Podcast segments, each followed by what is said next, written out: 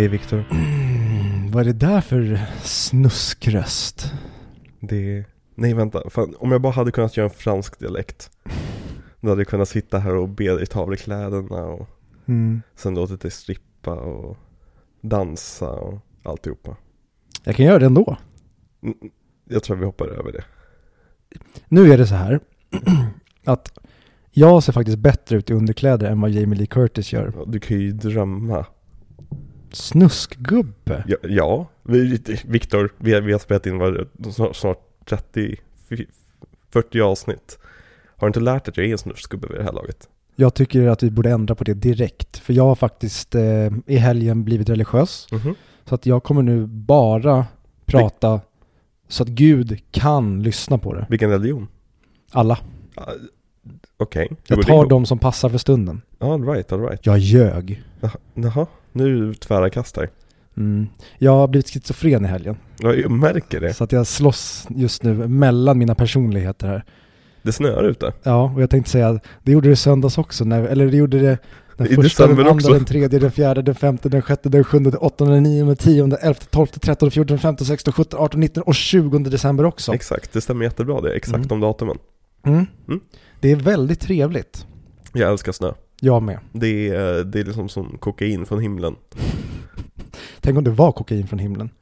Ja, fatta mänskliga kulturen om det hade bokstavligen regnat kokain halv, halva året i Sverige. Den sketchen skulle jag vilja se. När Verkligen. någon, någon tittar ut genom fönstret, det står alla människor i alla kvarter bara står ute så fort det börjar snöa och sen blir de tokkoksade. Står, du menar springer runt, runt, runt, speedar som satan. Nej, men jag tänker att om de springer då kommer vinddraget ta bort alla Ja, flingor. okej. De måste stå still de är och taktiska fånga med kokainintaget. Men nu har jag aldrig testat kokain så jag vet inte. Men kokainister för mig är ju väldigt eh, stissiga. Mm. Käken kanske hugger lite ibland. Fingrarna kanske knäcker lite ibland. Jag har faktiskt träffat eh, en person som eh, missbrukade kokain. Mhm. Och eh, allting jag hörde på förhand Mm. stämde. Stereotypen var verkligen en stereotyp. Och jag tänker att gud vad det hade varit intressant att se alla bli beroende av kokain. Och så kommer det typ en gång inom citationstecken per år.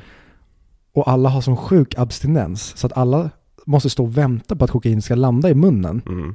Men i och med att de är så jävla stissiga så kan de inte. Så de får inget kokain. Alla bara springer runt och är galna. Mm. Så till slut kommer folk typ ha sprungit in i varandra. Så efter en kvart av den första snön, då ligger bara folk utslagna på marken och absar. Det låter som en, eh, en fin värld att leva i. Det... Men jag tänkte, Mm. kokain, du sa det som att allting som du hade hört eh, om det stämde. Mm. Jag tänkte på det som, kan det vara för att om det finns någon drog som Hollywood executives älskar, det är ju kokain. Så jag tänker det är den enda drogen de framställer properly i filmer, för det är den enda drogen de vet hur den funkar. Kan eh, mycket väl vara så. Ja. Tror du några var på kokain under inspelningen av dagens film? Eh, jag tror inte regissören och stjärnan var det. Mhm. Men det finns kanske crew längre ner i hierarkin som var det. Det finns en viss skådespelare i den här filmen som jag har for sure var på hög på kokain under inspelningen. Får jag gissa? Ja. Men det kanske inte är det. Nähä. Okej, jag hade lagt mina pengar på Bill Paxton. Rip in peace by the way. Ja, Hade ingen aning om att han hade dött. jaha. Det var ju rätt mycket skriveri om det. Ja, nej men Bill Paxton för mig har varit en person i periferin Mm, för det mesta tills jag kommer att tänka på aliens. mm, Men till exempel, jag hade glömt bort att han är eh, antagonisten till Lou Mhm. i eh, Nightcrawler till exempel. mm. Definitivt. Nej men jag tycker, alltså jag, jag gillade Bill Paxton. Jag eh, älskar Bill Paxton i den här filmen. Det förstod jag att du skulle göra, för det här var lite grann ride up your alley. Men innan vi börjar prata om veckans film så har vi fått en lyssnarsfråga. Jajamän. Och det är Lukas. Inget efternamn har han skrivit, så jag misstänker att det är Lukas Moodysson. Ja, eller så är det bara ett artistnamn. Exakt, Lukas. Ja, Ja. Men Lukas vill veta vad våra topp tre posters är. Och det skrev han någon gång i augusti, så jag tänker att bara för att han har väntat så länge så kan vi prata lite grann om posters. mm. Vad, har, har du några favoritposters, eller så här posterformat du verkligen tycker om? Jag tänkte, för jag, jag funderade lite på det här efter, eller jag har funderat en, i em, olika em, kapitel Mhm. på filmposter sen han skrev det. Och den som alltid landar först, det är ju den klassiska Star Wars-postern, alltså A New Hope, när Luke står med... eh, Sexpacket? Ja, exakt. Ja, exakt. Och den, den ser väldigt... Det ser ut som att Och håller la- lasersvärdet, vilket han bara gör i träningen i första filmen. Mm, det är verkligen en lögn till poster. Ja, För den eh, säljer en helt annan film än vad det är. Men den är ju helt fantastisk och jag älskar ju sådana här tecknade poster som ser ut som att det är en konstnär som har stått med pensel och faktiskt men- tagit fram den. vad heter han? Det finns ju någon speciell konstnär som jobbade med både Spielberg och Lucas och gjorde typ alla deras posters. Du vet vem jag menar? Ja, men Ja. jag har inte hans namn. Ja, nej, kolla upp hans namn. Mm. Så, så Ja. den är ju den, den som ligger mig närmast hjärtat. Mm. Men jag tror inte det är den jag skulle sätta på någon slags topp tre-lista eller en, Mm. en topplista. Men jag kommer att tänka på att ehm, ta till exempel eh, Blade Runner använder sig av samma. Den hade ju också en tecknad poster Mm. och det känns väldigt mycket 70-80-tal att man gjorde så. Ja, men För- även 50 och 60-tal.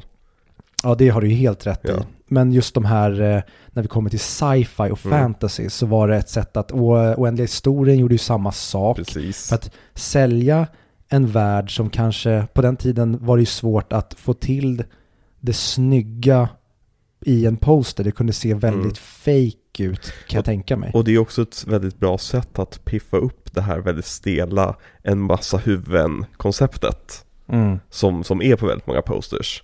För har du målat det, då blir det lite mer drömskt. Än snarare den här som Marvel, mardrömmen som är på varje poster numera. Mm. Och eh, jag googlade lite på typ Most Classic Film Posters Mm. och sen tog jag Worst Film Posters. Mm.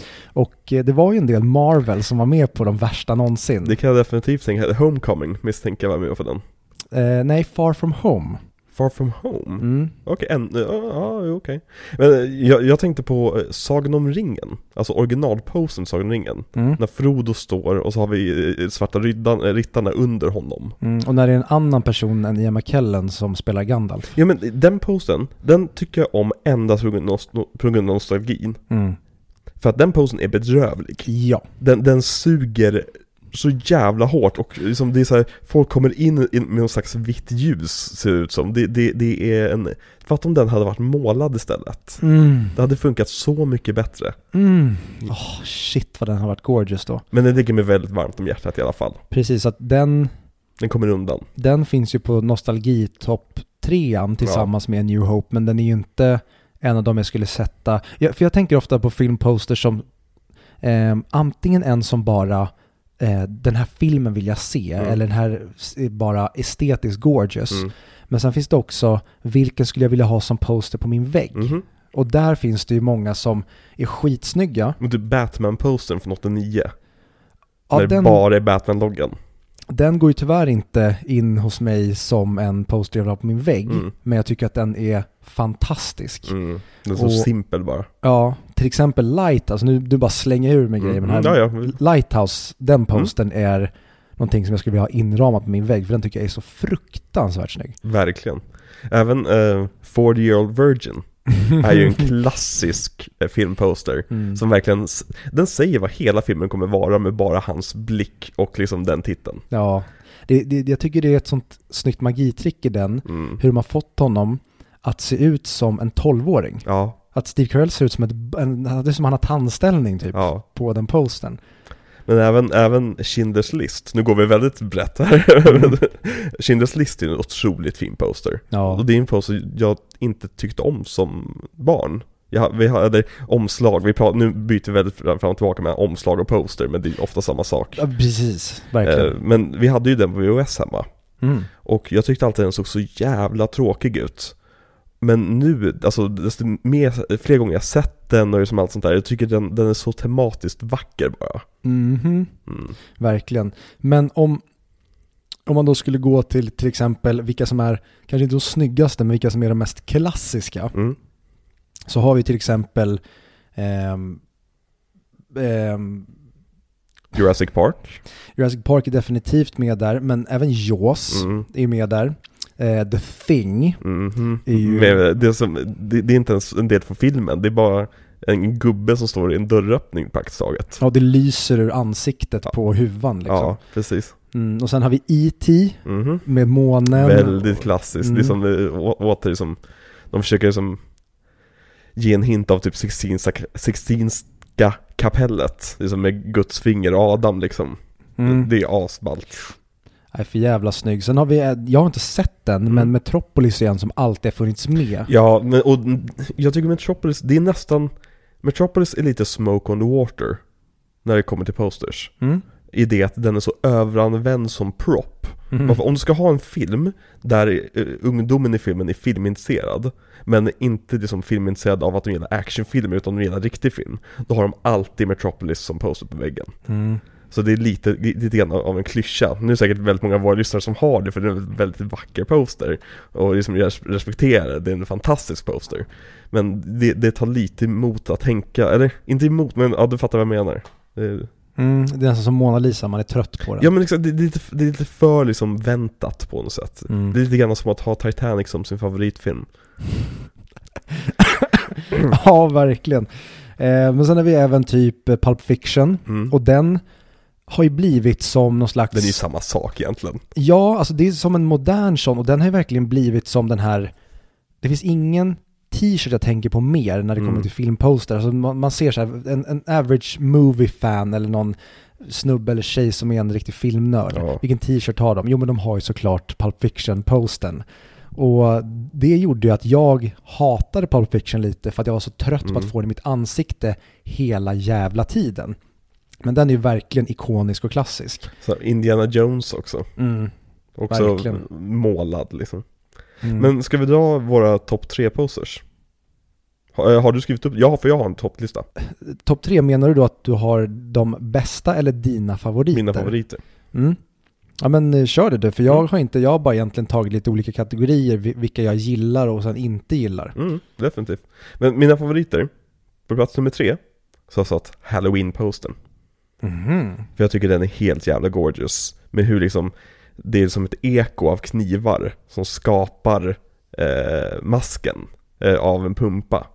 Och sen så liksom med taglinen liksom The night he comes home. Det är så jävla som man, om man inte har sett filmen så här, vänta, vadå he comes home? Vad betyder det? Alltså det är som, man, den börjar få en att fantisera om vilken film det här kan Det är vara. klart alla som lyssnar har sett filmen, vi har gjort ett avsnitt om Exakt, det är lite tematiskt också.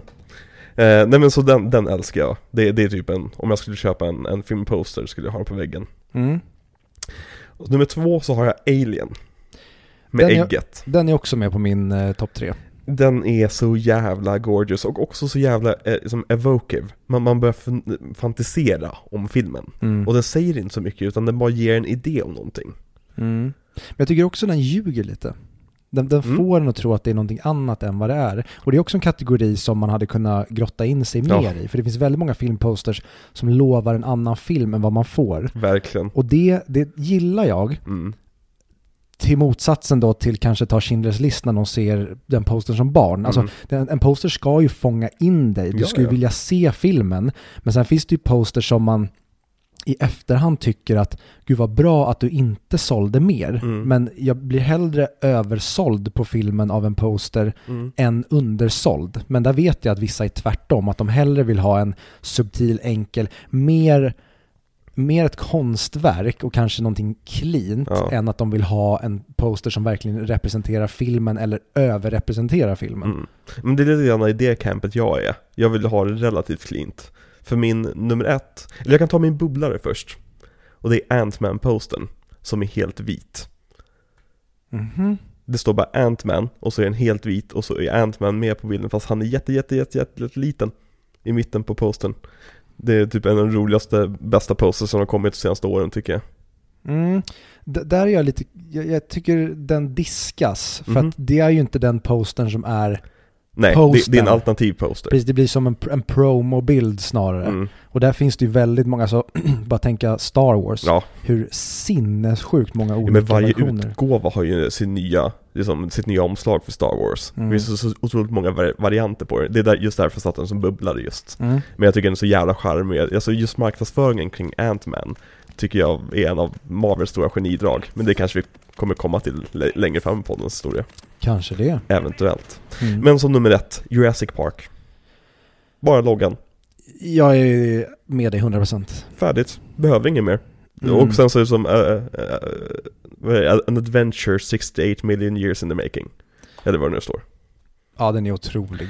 Simpel och den är som, den, den Den, den går hem direkt, man, den loggan bränner sig fast i huvudet på barn. Mm.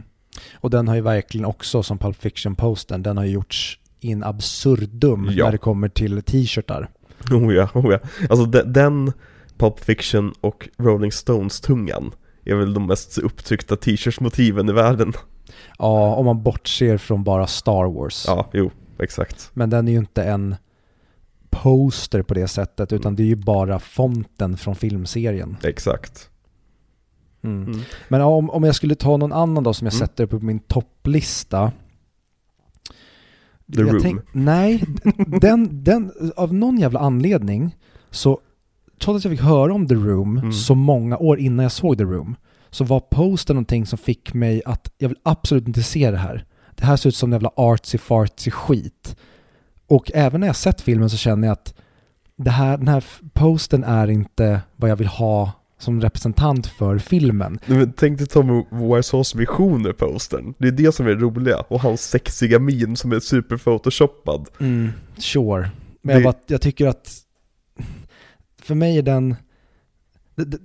Filmen kommer rakt framifrån, Mm. skjuter snett utav bara helvete, Mm. mer snett än någonting någonsin har skjutit.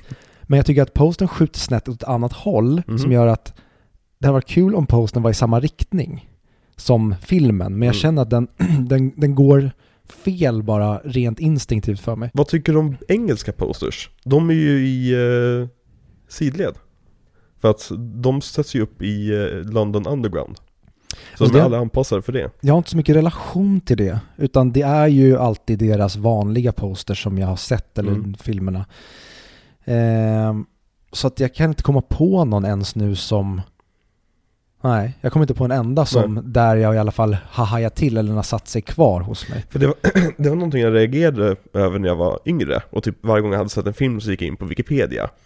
På brittiska filmer var det alltid den här liksom, sidledsbilden. Som jag, jag tyckte alltid såg så B ut. Jag tyckte det såg liksom väldigt, väldigt budget och underproducerat ut. Så den relationen fick jag väldigt snabbt till brittiska filmposters.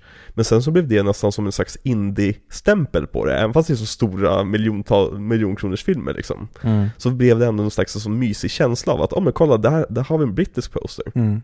Men vad har du för, för, för fler posters du inte gillar? Jag har egentligen inte så många som jag inte gillar. Däremot har jag flera som jag tycker är... Där, där, där jag bara tycker synd om dem. Eh, och den som jag kommer att tänka på direkt, det är eh, Bohemian Rhapsody-postern. Som jag tycker Vilken av är den eh, lila när man ser halva Freddie Mercurys huvud. Mm, Okej, inte när han står på scenen. Nej. Nej. Och det är för att jag tycker att filmen var så himla... Jag vet att den har fått jättemycket skit, Mm. men den, Den är mysig. Den den är verkligen jättemysig. Den, den, den, den är inte mer än vad den säljer till dig. Alltså Nej. den är verkligen precis det du får. Men jag tror att det som alla de här Oscarsnomineringarna och vinsterna den fick var till filmen sämre. För att det satte en måltavla på filmen. Och den förstörde Rami Maleks eh, karaktär. Ja. Eller k- Vad karriär. fan har hänt med honom? Alltså, i Bond, ja det kommer vi prata om. Eh, kanske. Vi, vi kanske kommer, kommer, kommer prata om Rami Malek i framtiden. License to kill. Ja.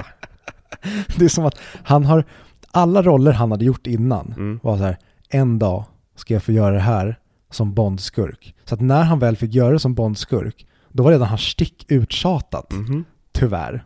Jag tycker för att Craigs Bond-filmers posters Mm. har varit jävligt nice. Mm. Väldigt cleana och stilrena. Mm, absolut. Ofta där han bara går. Ja men precis, vi har ju som Casino Royale, där han sitter som typ i halvfokus nästan och spelar poker. Ja, jag, jag tänker också på den när han typ, han nästan ligger och skjuter. Alltså den har nästan det ser ut som att han flyger bakåt Okej, och så är det ja. typ 007. Mm. Ja, ja precis, ja, precis, vit bakgrund Mm, eller hur? men ja, absolut, exakt. du har helt rätt med den han sitter och spelar poker, den är gorgeous. Ja, och sen så har vi eh, Quantum Solace som är rätt rörig vill jag minnas. Det, det är han och eh, hon Olga tjejen, Koryalenko. precis, som går mot oss. Det är typ från slutscenen nästan. Mm. Eh, men också rätt clean ändå, det är som Mm. vit bakgrund. Och sen så har vi Skyfall som är görsnygg tycker jag. Mm. Oh, vet du vad du borde göra? Nej. Fra, från och med nu så lägger vi in, vi har ett segment. Om postern. Varje, ja. Ja men visst, varför inte? Det, Mm. är det, det, det, är uppenbarligen kul att vi har pratat om det i snart 20 minuter så det, Och vi kommer garanterat glömma det någon gång, men vi... Det, är Nej men jag lägger in det i, i körschemat, för fan. Mm. Det, men, eh, och sen så har vi Spectre efter det, som då bytte på färgschemat, hade som en mörk bakgrund med ljustext, som jag också tycker är jävligt gorgeous. Sa du Skyfall? Spectre. Ja, Skyfall har, eh, bara nämnde jag snabbt, jag bara gillar den posen. Och vilken är det? Det är en... Det är ju bara Daniel Craig i en, i en tuxedo framför Bond-pistolröret. Mm. Mm, eh, Svart och vit. Nästan helt färglös poster, så bara Skyfall. Mm. Mm, det är mysigt. Eh, och sen Spectre också väldigt clean. Och sen så No Time To Die tyckte jag också var nice. Med som det här No Time To Die, alltså att de delade, splittade upp texten över posten. Ja, den gillade verkligen inte tyvärr. Och den tycker jag, alltså precis det som filmen visade sig vara. Att här ska vi gå typ Beam in the Sky med James Bond. De andra filmerna hade verkligen, även fast det ofta handlar om att det, det ska sprängas något stort eller någon kommer förgifta världen, alltså det finns alltid någonting större, så tycker jag just Craig Bond-filmerna gjorde det så bra fram tills No Time To Die, att de höll sig ändå inom citationstecken småskaliga. Ja, men jag tycker inte No Time To Die känns som en Bond-film. Inte för fem jävla öre. Det känns som en actionfilm med Daniel Craig i huvudrollen. Med David Dencik i huvudrollen. Åh, vi måste se om den snart. Det ska vi kanske göra. Mm, kanske. Men vet du vad Eh. jag saknar Nej vadå? i eh, en James Bond-film? Nej vad saknar du? När två av James Bonds sidekicks Ja. dansar tango med varandra.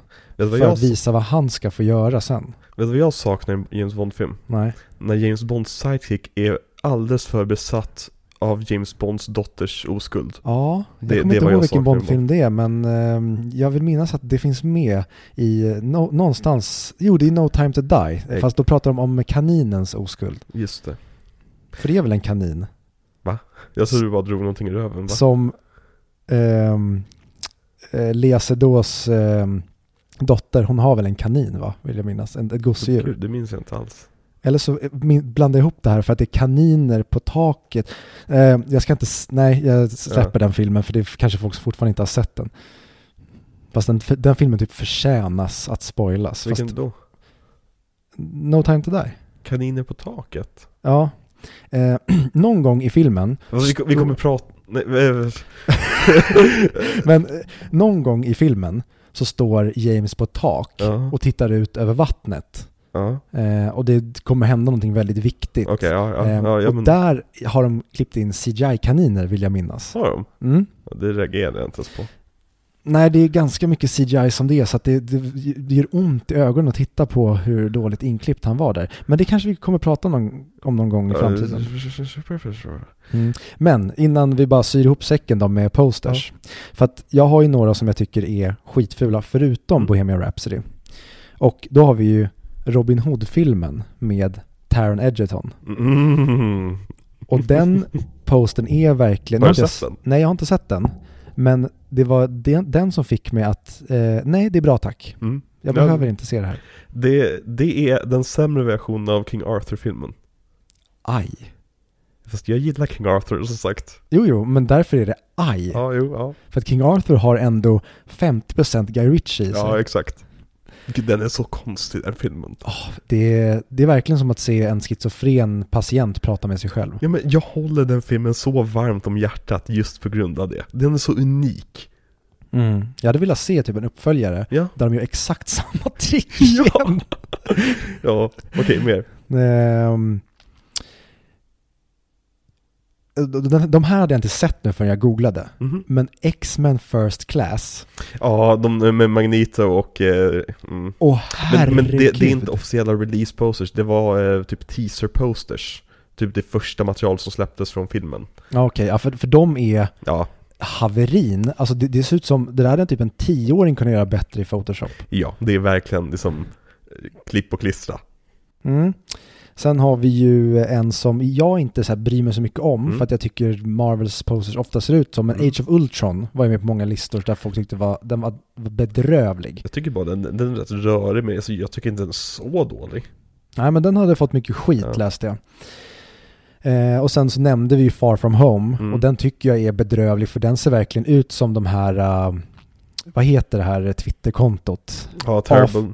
Awfully made movie Fan poster. made. Och gud på tal om dåliga posters. De postade ju Ant-Man 3 Quantumania-posten bara rakt upp och ner. För den sög så jävla hårt. Har du Jaha. sett den posten? Nej, Googla fram den. Den, den är, den, oh, mm. för eh, filmen såg så fantastisk ut i övrigt. Eh, är det den med handen? Ja, exakt. Jaha, jag trodde det var postern till eh, Amazing Spider-Man 2. För det ser ut som... Jaha, ja. Ja, alltså Ja, och där han försöker kollar de inte ju... ens på dem. Nej, verkligen inte. Han tittar typ upp. Ja. Ja, ja sure. En Vad hette han? Kang? Kang, ja. Kang the Conqueror. Ehm, men sen en också Mm. som var ehm, Alicia Vikanders Tomb Raider. Som jag kan tänka mig var en sån poster där, för den, den ser väldigt tv-spelig ut. Mm. Jag förstår att de försöker få det för just för att Ja, tv-spelserien är så populär. Var inte den väldigt brun? Nej, den är väldigt grön och blå, eller Okej. framförallt grön. Och hon ser nästan animerad eller Ja, ja, ja, ja, ja, okej, ut. ja, nu- nu, ser jag den. Hon står liksom med ryggen till och vänder sig Exakt. om mot eh, kameran, eller vad man ska säga. Ja, den var ful. Mm, och jag tror att det är en sån som eventuellt sänkte filmen. Att de, de skulle gått på att göra en vuxnare poster där. Mm. För det kändes verkligen som att vi typ, vi fick inte den vuxna Tomb Raider med, eh, med Angelina Jolie. Mm. Men nu fick vi som barnversionen. Mm. Och det tror jag verkligen gjorde att ingen brydde sig om den jävla filmen när den kom. Det, skulle ju komma en uppföljare. Mm. Regisserad av Ben Wheatley, eller hur? Mhm. Vilket kul, för jag såg ju Killis. Mm. Eh, som jag blev rätt besviken på, men den är en väldigt intressant film. Men mysteriet är roligare än, än, än eh, slutklämmen på den. Har du sett den? Nej. Det, jag kan rekommendera den till alla. Väldigt unik och kul film. Eh, handlar väldigt mycket om så här. Mm, eh, Gud, vad, ska, vad heter det? Lönnmördare heter det inte, yrkesmördare heter det. Yrkesmördares normala liv. Mhm. Eh, och mycket typ che- checka in på hotell. Och hur som tråkigt man har som, som yrkesmördare. Eh, väldigt, väldigt rolig på det sättet. Men ja, var- vart var det någonstans? Eh, To- Tomb Raider? Eh, ja, precis. Och det var nog den... Jo, nej. Jag såg en annan poster. Det här är Mm. absolut inte officiell. Ja. Jag tror att det var en för kinesiska releasen. Mm, de, är of- polsk, har du sett pol, polska posters? De är ju Nej. sinnessjuka. Pols, polska posters från 70-talet är tecknade med krita. Alltså, Jaha. sök på Polish poster. Bara go googla fram, du kommer få hundra förslag.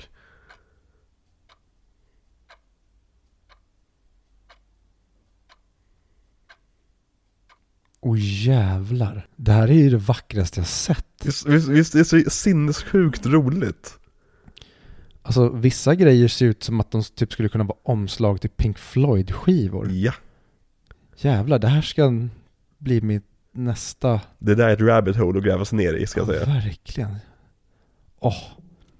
Älskar Polen. Ja, de så jävla roligt land. Mm. Hoppas det finns kvar när avsnittet släpps.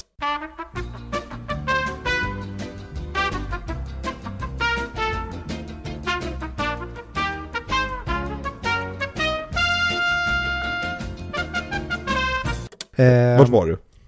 Jo, bara två stycken som dök upp direkt när jag tänkte på vilka är coola? Alltså då menar jag inte coola som att de har fått till ett, en, en snygg, häftig poster utan som har koncept som säljer filmen på ett sätt som gör en intrigued, Mhm. som kanske har mer fyndigt då. Mm. Och då tänkte jag direkt på Ides of March. Där de håller upp en Time Magazine-tidning Mm. och halva ansiktet är George Clooney som de har mergat med Ryan Goslings ansikte. Och de ser nästan ut som samma person. Mm. Och den, den älskar jag och speciellt hur den representerar filmen sen. Ja, verkligen. Eh, men sen är den även som en, till något helt annat som säljer filmen väldigt bra. Som talar om direkt vad det är för film. Det är ju postern till Ted. När de står och pissar i pissoaren. Ja, verkligen. Den, den är klar och tydlig som satan. Mm. Och även Shaun of the Dead, nu, nu, nu säger jag det. Mm.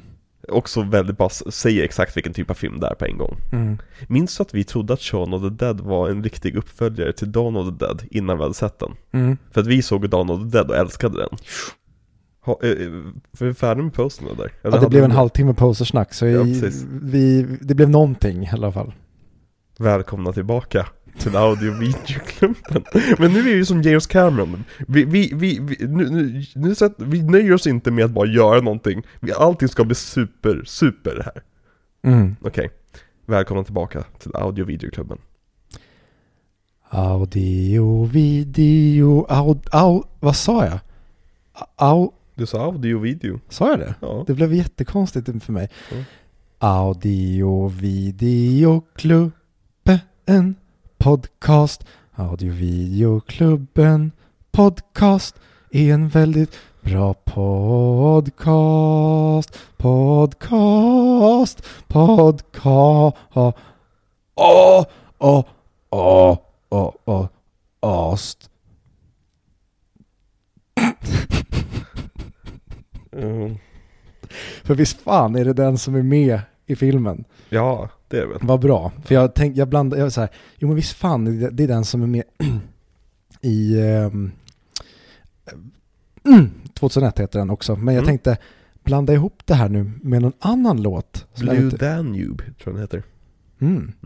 Väldigt eh, populär att ha i filmer. Och så, sagt 2001. Mm, den... ehm, det, det, det är en liten eh, Smoke on the Water. Det, det är den ju. Eh, men den är väldigt fin också, jag tycker väldigt mycket om den. Ja, den är kanon. Ja. Mycket av de här klassiska låtarna som används väldigt ofta i filmer är ju verkligen hitsen, så att säga. Mm. Det är ju, ja, det skulle man kunna göra ett helt avsnitt om med klassisk musik i film.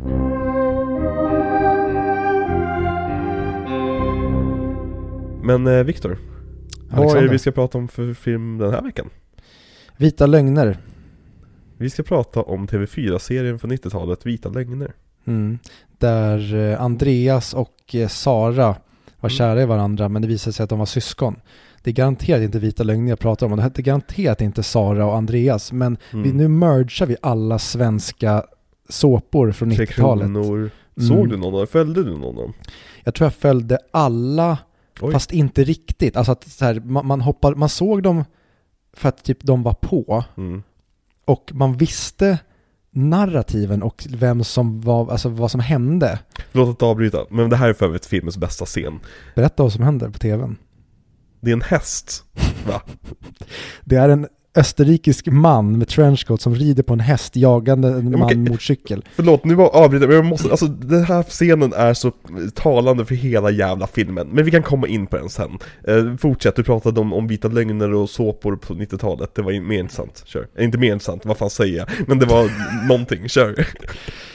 Eh, jag, eh, Du följde dem? jag följde dem inte, Nej. men jag upplevde dem. Man såg, man såg på dem när man kom hem från skolan typ. Ja, jag för mig att det var typ saker som gick innan eh, barnprogrammen kanske började. Mm. Eller att det var barnprogrammen jag ville se. Ja. Det var typ Tom och Jerry som gick den tiden på typ Cartoon Network. Mhm. Och det var jag inte intresserad av. Så då gick det på. Mm. Jag, det här är alldeles för luddigt i mitt eget Ja. huvud. Men av någon jävla anledning så har jag ju sett många av de här sitcomsen tänkte jag säga, såporna Ja, det var i de- barndomen. Det var det man kollade på medan man väntade på att typ Dexters laboratorium skulle börja. Precis. Mm. Åh, alltså, perioderna när man hade alla barnkanaler, när man Mhm. hade Fox Kids, Nickelodeon, Cartoon Network och när Disney, vad hette den? Disney Ch- Channel. Disney Channel, så hette den ju bara. Mm. Ja jävlar. Och att man typ aldrig var nöjd ändå. Det var alltid små perioder Ja. där det gick någonting som man inte ville se. Men idag hade man ju mördat för att bara få vara styrd på det sättet. Ja, det var så simpelt. Mm. Ja. Nej men okej, vad heter filmen på riktigt då? Som vi ska prata om. True Lies. True Lies. Är det en bra titel tycker du? Alltså den, den, den är ju rätt slagkraftig liksom. Den är lätt att säga, liksom lätt att ha på en poster. Men vad har det med filmen att göra? Alltså jag fattar ju grejen men liksom Ja, jag vet inte. Det, det är nog flera anledningar till, och nu ser vi på tvn här när Arnold står med sin häst i hissen. Ja, ingen kontext, ingen kon- kontext. Nej. Eh, Eh, ja, nu ska vi prata om True Lies från 1994. Ja, som jag... Det, här- det, här, det, det här är, det är en märklig, märklig film. Det är ett Det- märkligt projekt. Det, det, det, Den är märklig, det är Den- jätte... Jag satt och skrattade åt den här filmen så mycket, och med filmen. Och, och, och sen så började jag fundera på Cameron, Camerons mindset och då började jag skratta ännu mer. Och sen började jag fundera på varför gjorde de den här filmen? Och sen så började jag skratta ännu mer. Och, Mm. Alltså det, här- det, här, det här kan vara Camerons roligaste projekt på så många plan. Ja, och Ja. samtidigt som jag älskar vad den här filmen gör Mm. så känner jag att det här är som när Gudrun Schyman eldade upp pengarna på så många sätt. Det är så märkligt! Åh, åh ja. Men vad har du för, har du någon relation till den här filmen? Jag har inte, alltså jag vet att nu när jag såg den Ja. så är det fragment av den som Mm. kommer tillbaka. Men jag har typ inget minne av att jag har sett den i sin helhet. Typ Men- hästdelen minns jag inte alls. Men den känns som, som en TV4-film. Verkligen. Men och, det, jag, så det, inte jag heller. Jag, och det tror jag är problemet med den här. mm. Varför, alltså nu kommer vi komma in på det sen med att d- d- den är ju inte ett, den är inte en flopp på något sätt. Nej, Men ingen kommer ihåg den. exakt, den är helt bortglömd. Mm. Förutom de som typ var kanske i vår ålder när den kom. Ja men exakt. Som ser det som, jag, jag kollade typ den där ehm, making of ehm, grejen Ja. där Jamie Lee Curtis, Underbar. fan 90-talet kom Ja. tillbaka. Så för, för övrigt är typ det enda som finns om den här filmen. Det, det, jag vet inte om det är på grund av, okej nu hoppar vi vilt fram och tillbaka men jag vet inte om det är på grund av att Fox bestämde att nej James, vi kan inte låta en till film eh, få pressen om att du var en diktator på sättet. Nu, nu stänger vi ner det här sättet. Ingenting läcker. Ni får inte vara med i dokumentärer eller intervjuer om hur ni gjorde den här filmen. För det finns typ ingenting att läsa om den här filmen eller se om den här filmen. Det är jättemärkligt. Det, det, det, det gör bara filmen mer intressant för mig. Mm. Det, det gör hela projektet mer intressant. Men ja, vad ja. var Nej men den här filmen, gaget? Mm. som filmen är, är roligare än vad produkten är. Verk, verkligen. Men så, min relation till filmen är att det här var en VHS som stod i utkanten av pappas VHS-hylla. Mm. Som jag såg framsidan på konstant. Men som jag aldrig såg för att jag tyckte den såg så ointressant ut. Med bara Arnold med liksom piggadollen framför sig liksom. Mm. Jag- Jag tyckte att det verkade vara som den tråkigaste, torraste 90-tals actionfilmen. Vilket det på många plan är. Mhm. Plus, eh, vilket man skulle kunna, man skulle kunna sammanfatta allting i den här filmen med att det är vad det är. Plus. Det är verkligen, alltså, åh, det- Okej, ska vi gå igenom, vad, vad tycker vi om, fi- vad tycker du om den här filmen? Ehm, jag, är- jag är jättekluven till den här filmen. Mm. För, för samtidigt tycker jag att, å ena sidan är det en jättedålig film. Ja, Å andra sidan är det en underbar, eh, vad fan ska man säga, det här, det här är, det, det är en människa som på grund av sina tidigare framgångar Ja. har lurat till sig den största filmbudgeten i historien och använder den. och använder den, men samtidigt så här, du använder den typ inte till någonting, men samtidigt använder den till allting. Ja men det är så här, innan jag såg, innan, mina förväntningar på den här filmen var att jag skulle sitta och tänka, vart fan är pengarna James? För man tänker så här, men okej men världens största film innan det var Terminator, det är mycket specialeffekter liksom. Och han har gjort The Abyss, han har gjort Aliens liksom, och nu gör han någon torg som actionrökare med Arnold liksom så här, Var kommer de pengarna synas? I varenda scen. Det, det här är det mest påkost, det här är den mest påkostade 10 miljoners filmen någonsin. Men det, Ja. det, är som att James Cameron gick in på Fox, såg några nördar som han hatade sitta och skriva, skriva på remaken till La Total. Och de sa ah, vad gör ni här? Så ah, men vi håller på att göra remake till La Total. Det kommer bli någon så här liten charmig 10 miljoners film med Jamie Lee Curtis huvudrollen. Det, det kommer bli kul. Okej, säger James. Går ut, ringer ett samtal. Kommer tillbaka. Eh, jag tar över den här filmen. Jag har fått en budget på 100 miljoner. Fuck you. Alltså, det- jag vet inte. Hur hamnade det här projektet i James Camerons händer på den här budgeten? För den här skulle kunna gjorts för en tiondel av pengarna. Mm, det, det, det, Men jag är så tacksam över att den inte gjordes med en tiondel av pengarna. Det är så, budgeten är är den största hjälten i filmen. bu- budgeten är allt. Budgeten är huvudkaraktären. Ja, för utan budgeten, då har vi det som filmens rykte idag är. Ja. Och det är konstigt för att jag skulle rekommendera alla som vill se Mm. hur man gör film på riktigt. Ja, Se den här filmen. det här, men det, är också, det gör ju också så att jag blir så sur på den här filmen på så många sätt, för att det är ingen bra film egentligen, men det är ju verkligen Apex. Eh, Jo, alltså, som piken på filmskapande. Mm. Alltså innan allting blev CGI-kladd. Ja. Det här, det blir inte bättre än så här. Vilket är så bortkastat på en sån meningslös liten skitstory. Ja, det, och, det, Och den är så märklig också, den är så fransk. Den är så jävla fransk. ja, alltså, jag, jag såg trailern till La Total Ja. och den såg ju skithärlig ut. Mm. För den verkar veta precis vilken film det är. Den här vet inte vilken film det är. Eller Den den här- vet... Ja. Den, Oj, Fan, det- bra? ja men det här passar på, mitt harklande idag är ju som mini-strokes jag får av att inte bli klok på Mm. vad som händer. Och det, det absolut första Mm. och största problemet, Mm. men som blir någonting helt underbart, Mm. som typ allt med den här filmen är. Det är Arnold Schwarzenegger. Ja men han är ju inte trovärdig som hemlig agent för fem öre. Men det gör ju bara saken ännu roligare. Alltså, jag, jag har ju glömt bort för att det var så länge sedan jag såg film Arnold Schwarzenegger där han inte är stel robot, att han kan inte prata. Jo, han, han kan inte prata och han har ju väldigt, väldigt unik frame och allt sånt där. Och bara scenen när han sitter i mörkret och Jamie Lee Curtis kollar på honom.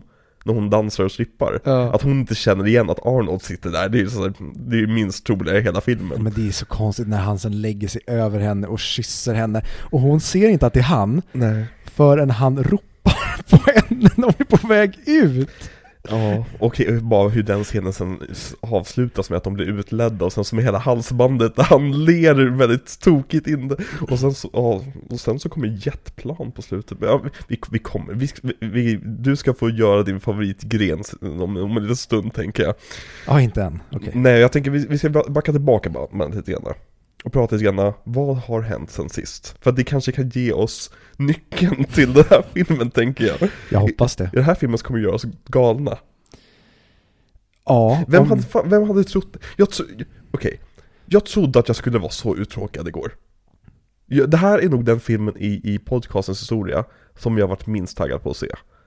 Alltså mindre än liksom gitarrmongot, för den ändå, var ändå rätt kort, liksom på förhand och rätt intressant. Den här trodde jag bara skulle ha tråkigt med. Mm. Och jag hade typ den roligaste filmtittningen jag haft på evigheter igår kväll. Nice. På grund av den här filmen. Eller tack vare den här filmen. Eller bägge. Ja. Ja.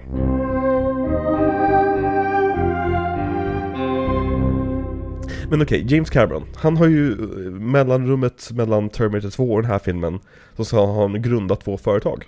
Mhm. Det är Lightstorm Entertainment, som är hans produktionsbolag. Som producerar bland annat Catherine Bigelows tidigaste filmer. De, Inte Point Break. inte Point Break, nej. Eh, Strange Days tror jag var den första av hennes. Mhm. Ehm, och sen så har han också startat ett eh, special effects-företag, Digital Domain. Som är ett av de största husen idag, som, som blir anställda på typ varje storfilm. Okej. Så det är, det är vad han har gjort. Och eh, han har ju skilt sig från Catherine Bigelow, som han gifte sig med efter förra filmens release. Ja, den här mannen skiljer sig och gifter sig i varje avsnitt av den här pod- podden. Och eh, Linda Hamilton har flyttat in. Och så. Jaha. Så då kanske hon ska göra huvudrollen i hans nästa film då? Vi får se hur förhållandet går först. Sen Jaha. kanske han får vi får se om hon får rollen i hans nästa film. Okej. Ja. Ehm, och det är väl typ det som har hänt emellan. Det är som, återigen, det här är en väldigt sparsam period i James Camerons liv när det kommer till information om den. Ja men också eh, T2 kommer ut 91. Ja, Den kommer 94. Och att göra film på det här sättet mm. tar tid och kraft och planering. Ja men det är ju också det, och jag tror också väldigt mycket i att han var väldigt nervös över vad han skulle göra härnäst. I och med att The Abyss blev en flopp och Terminator blev en så jävla superhit. Så tror jag nog att han började tänka liksom, vad vet, alltså vad ska jag göra? Mm. Och ett väldigt smart drag av honom är just att samarbeta med Arnold. Mm. Så jag tror att mycket av den här filmen kommer från att jag och Arnold ska samarbeta. Vad skulle vara kul att göra med Arnold? Att ha Arnold som en hemlig spion i en spionkomedi skulle vara väldigt roligt att se. Mm. För han skulle kunna vara som en, amer- eh, en amerikansk James Bond. Men också bara grundkonceptet i den här filmen, alltså det franska grundkonceptet, är så jävla franskt. Så här, ja men hur ska vi göra en kul James Bond rip-off? Vi ger honom en fru. Mm. Ja men vad ska vi utveckla den plotten med? Frun är otrogen! det, är, det är så jävla franskt! Ja, men, och det går ju inte att konvertera till en amerikansk kontext. Nej, nej, spe, nej, speciellt inte med vart den här filmen går med den kontexten till slut. Alltså med, med hela hans liksom använda sig av statliga fonder för att övervaka sin fru samtidigt som USA håller på att bli attackerad av en terrororganisation med kärnvapen. Och hur han liksom typ utpressar henne att liksom Alltså, mm, ehm, förhörsscenen mm. Är så märklig. Eller, Ja. alltid märklig, men där... Och jag hade ganska länge förhoppningar om att... Eller, jag, jag, jag, jag, är, jag är fortfarande inte klar med... Vet James Cameron vilken film det är han har gjort?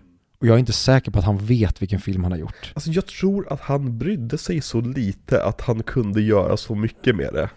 Jag, det, det, är, det är min... Han är så avslappnad, han, han går runt och typ sover på den här produktionen för han är så säker på att det här kommer bli bra. I och med att det är så oskyldigt projekt liksom. Mm. Det och det här, det här är ju verkligen hans... Han har jobbat hårt, han har jobbat allvarligt. Nu vill vi bara ha kul. Ja, och, och det märks. För att den här filmen har väldigt roligt. Mm. Och jag tycker också att, även fast det är många skämt som inte landar, så är det väldigt många skämt som faktiskt landar. Ja, och det är väl kanske den största sorgen med den här filmen. Mm. Det är ju att det finns en väldigt rolig film här. Mm. Men det är som att den också vill vara väldigt häftig och spännande. Det är, det är som att den inte riktigt vet vilken genre den ska placera sig själv i. Nej. Och då är det hela tiden, ja men den är schizofren utav bara helvete. För att det här är ju en del av James Camerons stora deal med Fox. Där han fick 500 miljoner dollar för att göra 12 filmer på fem år. Och det in- inkluderar att skriva manus och producera och grejer. Första han gör är ju att ta, ja vad blir det? 40% av pengarna han fick och göra en film. Det är så här, jag, Fox måste ju göra att, vad fan han håller på med. Och sen så tar han resten av pengarna och producerar sin ex-flickväns film Strange Days. Och sen tar han sista delen av pengarna och gör Titanic av. Och, och det är typ det pengarna räckte till. Mm, det, Jag älskar honom för det. Ja, man måste göra det. Ja, men så, det, det är kul med pengar på skärmen och det, den här filmen är yttersta beviset på att om du bara lägger tillräckligt mycket pengar på en film och verkligen använder av de pengarna, då kommer det bli en jävligt sebar film till slut. Mm. Och det är därför, jag tror det är därför jag verkligen tycker om många av Marvel-filmerna. För att där är det verkligen pengar på skärmen, för det mesta. Sen så är det mycket som inte blir pengar på skärmen med dem också. Mhm. Men liksom sådana typer av filmer. För att jag, jag tycker verkligen det är kul att se liksom, liksom man skulle kunna rädda livet på liksom hundratals, tusentals, miljontals svältande barn i Afrika. Men istället väljer James Cameron att spränga en helikopter. Mm. Och det är liksom så att det finns någonting i det som blir så jävla makabert och kul i, och liksom dekadent i att man bara, bara bränner de här pengarna på att göra häftiga grejer. Och det är Mm. James Cameron fucking kung av. Ja, och så känns det konstigare för att det här inte är aliens. Det här är inte T2. Mm. För då har man, då är det så här, okej att du är sjuk i huvudet Mm. och bränner 10 miljoner dollar på den här effekttunga scenen. Men du har bränt 100 miljoner dollar på True Lies. Ja men precis! Det är, det är typ, det är nästan på nivå som att man skulle göra eh, en till Jamie Lee Curtis-film då, men, men eh, eh, Gud, tappa, Freaky Friday. Mm. Och så bara, den ska kosta 100 miljoner. Mm, och så slutar det med att de åker runt på ett äventyr över hela världen Ja. och gör stunts när de är på... Filma plats och grejer. Mm. Ja, nej det... Ja men det är verkligen det. Och filmens manus är så, alltså hela storyn är, den är så ointressant Ja. på så många sätt för att den, den det, det finns en story om att han har tappat kontakten med sin familj. mm. Men den vill de inte Den- bearbeta Den nu. skiter de fullständigt i, så att på slutet när han avslöjar för sin dotter att han är en agent, eller i Mm. alla fall en pilot, Mm. då är det så här, jaha, och? Ja. Hans dotter skiter i honom, han hade kunnat jobba med vad fan som helst. Alltså, åh gud. Jag visste att jag skulle, eller jag visste inte, nej, det är en av slutscenen, men en scen jag verkligen älskade sönder. Bara på grund av jävla mycket slöseri som var brändes i sekunden. Det är när Arnold lyfter med planet. Mm. Och han lyfter med planet i typ tre minuter där man åker runt på marken. Och det är verkligen så här, "K- K- James, kan, kan, vi klippa snart eller så här? Nej nej, mer pengar! Vi har, hur mycket har vi kvar i budgeten? Ja men vad fan, två minuter till liksom. Så här, eh, planen ska vara tillbaka om fem minuter. Fuck that shit. Mm. Flyg på Arnold, vi kör. Exakt. Hur, hur mycket är förseningsavgiften? 20 000? Pff, vi kör. Ja, det är ju piss i rymden. Exakt, nej men det, åh jag älskar det. Det är verkligen, det är... Det är som en sammanfattning av hans beteenden hittills utöver dikta, diktatorgrejen. Men det måste ju funnits här, för det här är ju otroligt komplicerade grejer han gör också.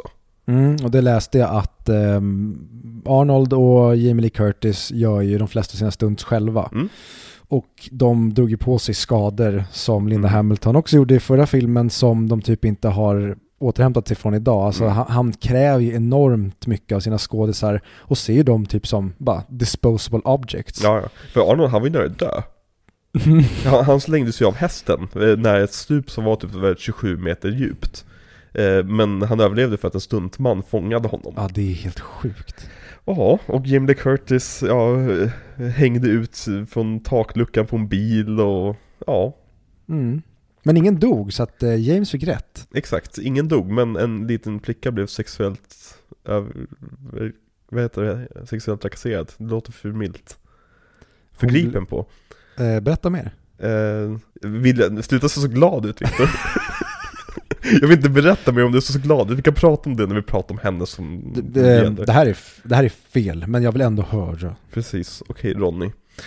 Eh, nej men eh, det som hände var att eh, stuntkoordinatorn, eh, Joel Kramer, han anklagades av eh, Eliza Dushku några år senare. Typ runt metoo-grejen. Har för mig att det var, eller så var det tidigare. Eh, för hon för, han förgrep sig tydligen på henne under inspelningen. Mm. Och eh, hon var väl då 12? Är hon bara 12 här? Ja.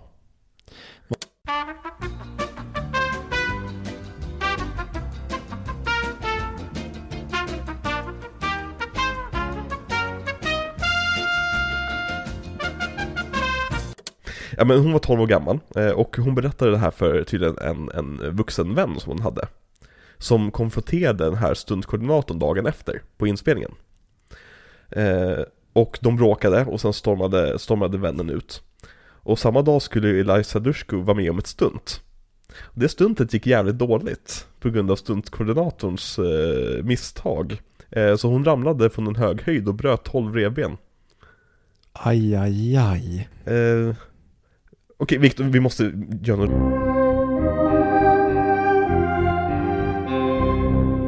Lotten tack. Ni vet Gustav Schwarzenegger. Hans son Ja. flyttade till USA, Aha. infiltrerade en hemlig spionorganisation Mhm.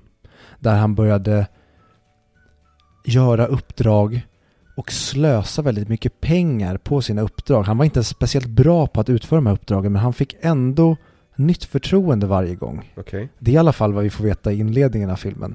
Att han säger att han ska gå ut genom en grind. Och då tänkte jag att det är ju ett roligt skämt att han ska få gå ut genom en grind bara och Mm. ingen märker någonting. Nej, nej, James Cameron har gjort den här filmen. Det var inte det som hände överhuvudtaget. Men sen då, den här sonen till Gustav Schwarzenegger, Mhm. han har tydligen en helt vanlig familj, ett helt vanligt villaområde i Mm. USA. Hans fru är lite apatisk, skulle Mm. man kunna säga. Hon har riktigt hon har tappat gnistan, Mm. kan man säga. Och de har tappat gnistan i deras förhållande, känns det som. Fast jag vet inte riktigt, för det, det är lite oklart om, om de är i en rut eller om de inte är i en. Mm. Det, det, det, det, det är inte så viktigt tydligen, men det ska tydligen bli väldigt viktigt. Och eh, frun då, hon vet inte riktigt att Gustav Schwarzeneggers son jobbar som spion. Hon Nej. tror att han är säljare. Mm. Och så har de en tonårsdotter som då Gustav Schwarzeneggers sons kollega som bara kommer in i hans hus en dag Mm. som jag inte har en aning om vem det var när han kom in. Jag undrar, Mm. vem fan är det som kommer in där? Har vi bytt scen? Eller i samma hus? Den scenen är jättekonstigt klippt. Jag förstod ingenting. Ja. Men han är väldigt besatt av Gustav Schwarzeneggers sons dotters eh, sexualitet. Mhm. Och de då... Vilket blir lite extra creepy med tanke på kontexten jag precis gav. Mm. Ja. Men eh, vi kommer kunna dra paralleller till verkligheten i den här filmens handling. Så att eh, det är perfekt att den finns med. För då Ja. blir filmen ännu mer verklighetsförankrad kände jag. Okej, fortsätt.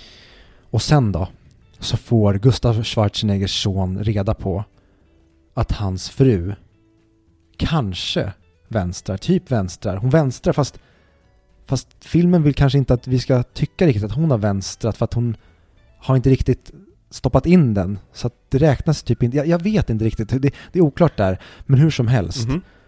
så väljer Gustav Schwarzeneggers son att använda sin fru eller spela ett spratt på henne. Men så att hon blir, spratt. jag, jag ser det som att han, han sexuellt förnedrar sin fru när han spelar henne ett spratt. Ja, det är ju en del av, alltså jag, ja.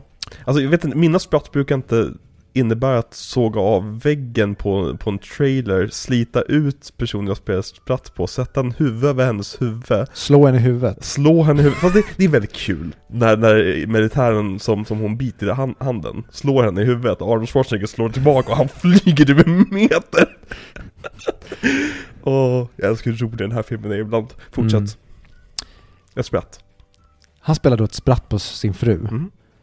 Men sprattet går väldigt fel. För att just när han spelar sprattet på henne, då kommer en terroristorganisation som har förföljt honom, som han har förföljt och Mm. ridit häst och åkt, motorcykel med i hissar uppe på tak och hoppat över till andra tak och landat i pooler. Mm. De kommer och tar honom. Mm. Och sen ska de få honom att berätta för sitt jobb Mm. att de minsann har stulit missilspetsarna från The Abyss. Ah, och så halshugger de honom sen på video. Ja. Det hade ju varit det logiska i alla fall. Mm. Men eh, nej, s- de ska ta reda på mer information som han har. Ah. Och då blir han hög. Ah, Men sen när filmen inte vill att han ska vara hög längre, ja, då är han inte hög. Ja. Så då släpper vi det. Mm. Och sen så kastas jättemycket saker på skärmen. Mm. Och så kommer terroristerna då som har kidnappat Gustav Schwarzeneggers son och hans fru, Mhm. som han spelar ett spratt på. De kommer på att han också har en dotter. Mm. Så att när de sen besegrade bad guy, Mm. då behövde vi en akt till tydligen. Ja men det gick James Cameron. För vi behövde använda ett av de här flygplanen som vi har betalat mycket för. Och då gör vi en av de häftigaste stuntscenerna i filmhistorien när Gustav Schwarzeneggers son ska rädda sin dotter från den här terroristen. och- Jag tycker att så här, Mm. jag tycker det är för hård mot den här 50-akten. Jag tycker det räcker inte med att spränga en atombomb på, på USAs kust. Just det, det hade jag glömt. Du glömde också eh, badrumsfighten. Som Åh. i vilken annan film som helst hade varit den fetaste scenen. Men den här är typ så här, okej. Vad, jag, jag vill bara fråga, vad gör Brad Fiedel i den scenen? Brad Fiedel, är Ja. det han gubben? Ja, det är ju eh, kompositören. Är det kompositören Ja. som sitter och bajsar? Nej, som har gjort musiken. Jaha! Jag undrade, vad fan är det som händer med musiken i den här scenen? Jag tyckte det var underbart, jag tyckte musik, det här, okej, nu, nu kommer jag bli skjuten på vägen hem från jobbet säkert Men jag tycker musiken i den här filmen är bättre än i T2 Mm, ehm, bättre... Den passar filmen mer ju, och jag tycker det är ett klassiskt jävla filmscore alltså Mm, oj, jag vet inte. Men okej, Sug på den, sug på den jag är med på det. Jag, jag, jag godkänner. Men okej, så det är det filmen handlar om, liksom en, en, en man som är spion Mm, Som vars fru inte vet att han är spion mm. Som frun har träffat en man som låtsas vara spion för att ragga på kvinnor Jag blev så förvirrad där. Ehm, och spionen får då reda på den här låtsasspionen och frun. Så han arrangerar, för att han, han tror att hon, hon är otrogen. Och att han, låtsasspionen, eventuellt spion för främmande makt. Mm, Så han arrangerar att kidnappa de två och förhöra dem. mm. Han för, börjar med att förhöra sin fru och fokuserar mest på frågor om hur, oft, hur mycket hon har legat med den här låtsasspionen då. Och hur hennes relation till sin man är. Ja, i en väldigt, väldigt, väldigt creepy scen i slutändan. Ehm, det är väldigt mycket creepy scener i den här filmen i Mm. slutändan. Han, han tvingar sin fru då att, att låtsas vara prostituerad. Han, nej, eller så här, han säger till sin fru, äh, som, han manipulerar sin fru till att tro att hon kommer hamna i fängelse för resten av sitt liv om inte hon går med på att jobba för amerikanska staten. Hon skickar, skickar iväg sin fru som agent på uppdrag. Där hon ska vara prostituerad för en vapenhandlare. Och bara göra som han säger. Exakt, fatt, alltså, okej, vi bryter där. Alltså, fatta hur jävla rädd hon måste, vad utsätter han sin fru för i den här filmen? Det är så jävla franskt att tänka att det här är kul. Mm. Och det blir så jävla roligt på grund av det. Men hon har ju samtidigt varit otrogen. Fast när han ju får reda på att hon inte har varit det. Men när han skickar har iväg henne till arms dealern, då är han på hennes sida och det ska vara, det ska vara en kul grej. Och han vet ju såklart att hon inte är fara, men traumat för henne tänker jag på. Exakt, det är skit Och det är lite vad eh, Harry gör i hela den här filmen. Ja. Han skiter i alla. Ja. Han har ingen respekt för någon. Nej men alltså, alltså mm, Men ja. eh, tillbaka till, eh, innan vi släpper det. Hon är ju otrogen. Hon har ju redan bedragit honom Mm. och hon har till och med låtit den här mannen kyssa henne över kroppen. Och sen ångrar hon sig. Men så här, det gör ju inte att du inte har bedragit Fast honom. Det är ju en act, hon, han, han jag jag säga, hon, lite, hon görs lite dummare i den scenen än vad hon är i resten av filmen. Mhm. Varför han, han säger till henne att du ska ju låtsas vara min fru på det här uppdraget vi ska, vi ska åka iväg på. Så du måste vara bekväm med att jag rör dig. Och så går han längre och längre och längre tills det typ nästan blir en våldtäkt på henne. Ja, men hon kunde ha Jo. stoppat saker tidigare. Hon borde ju förstått att han är, han är en jävla som con artist så fort han började kyssa henne på nacken. Jag menar att så fort han börjar närma sig henne och Jo, säga stopp, jag har en man. Ja fast det tror jag nog hon har sagt tidigare. Min uppfattning av det är liksom att han, han är helt med på noterna om manipulationen och att hon kommer antagligen rycka tillbaka. Så han har ju satt upp det här till sådär, jag kommer röra henne så att hon rycker tillbaka. Och sen kommer säga att nej men så där kan ju inte du reagera om du ska vara min fru. Du måste bli van vid att jag får röra vid dig. Och så tänker jag att det ska leda till sex. Jo, men hon sätter ju inte stopp. Nej, Så hon begår ju fortfarande... alltså hon tror att det är i nationens intresse. Om, du, om, du, om, om, om, om, man tänker att ja, så. USA kommer gå under om den här mannen får röra mig lite grann. Hon tänker att det ska stanna vid, alltså, vid finger vid nacken eller någonting. Det är det som jag säger, den scenen gör henne lite dummare än vad, det, vad hon egentligen är. Så den går för långt. Men hon erkänner också sedan att hon ville leva. Så Mm. att hon har ju faktiskt gått ut på en Mm. affär. Oh ja. Sen att affären är eh, ursäkten att det var i nationens intresse, det tar ju inte bort att Nej. du har ju fortfarande bedragit din man. Men det är också ett väldigt franskt sätt att tänka på också. Mm. Det var ingen penetration. Så det spelar ingen roll. Ja, shit, jag har haft polare genom åren som Mm. har resonerat sådär, som har haft flickvänner. Och det är Mhm. så här, nej men vi knullade inte. Nej. Mm. Och då har inte du varit otrogen? Nej. Så här, är, är du en otrohet aspergian eller vad är frågan om här? Otrohet handlar mycket mer om liksom intentionen än faktiskt vad man gör, skulle jag säga. Jo men att, och mycket att du kanske, du, det blir ett substitut för ditt alltså riktiga förhållande. Ja. Att nu vill du spendera tid med en annan kvinna eller man istället för att Exakt. spendera tid med den som du har lovat dig till. Oj, Mm. nu blev jag Gud. våldsam här. Det krävs ju tre personer för att en otrohetsaffär ska ske. Mm. Den som blir cheated on, den som begår the cheating och sen så den som man cheatar med. Jag tycker att om den som man cheatar med vet om att den personen är otrogen, då gör den också fel. 100 procent. Är, är de i ovisshet så har de inte gjort något fel skulle jag säga. Nej, nej, nej. Det, man kan ju inte bli blamad för det, för då har du förmodligen Nej. också blivit bedragen. Verkligen. Men det, det är också väldigt intressant, tycker jag, när det kommer till otrohet och att kunna säga nej. Mm. För att det som man ofta får höra är ju att jag har en nära vän som var i en situation där han träffade en tjej Mhm. som hade man och barn Mhm. och de då blev ju väldigt förälskade i varandra och hon skulle ju såklart lämna sin man för honom. Mhm.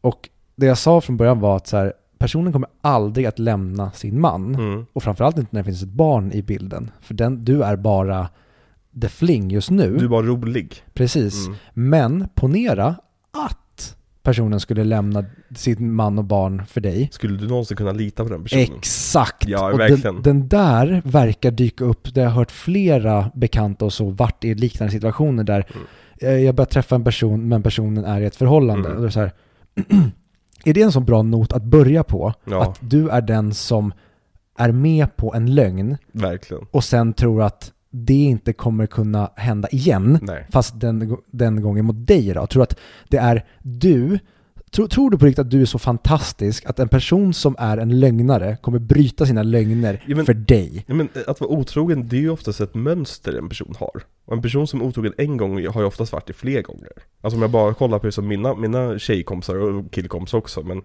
det är som de som varit otrogna, de har varit otrogna mot nästan alla sina partners. Det, har, det har ju inte så mycket med sex och sexualitet Nej. och relationer att göra. Det har ju som du säger, det har ju med att personen kan inte vara ärlig och ta ansvar. Nej precis, och osäkerhet, det är som om duger jag, jag måste hitta bekräftelse hos en annan person för att Åh, nu shit. har bekräftelsen jag får från person X tömts ut liksom, etc.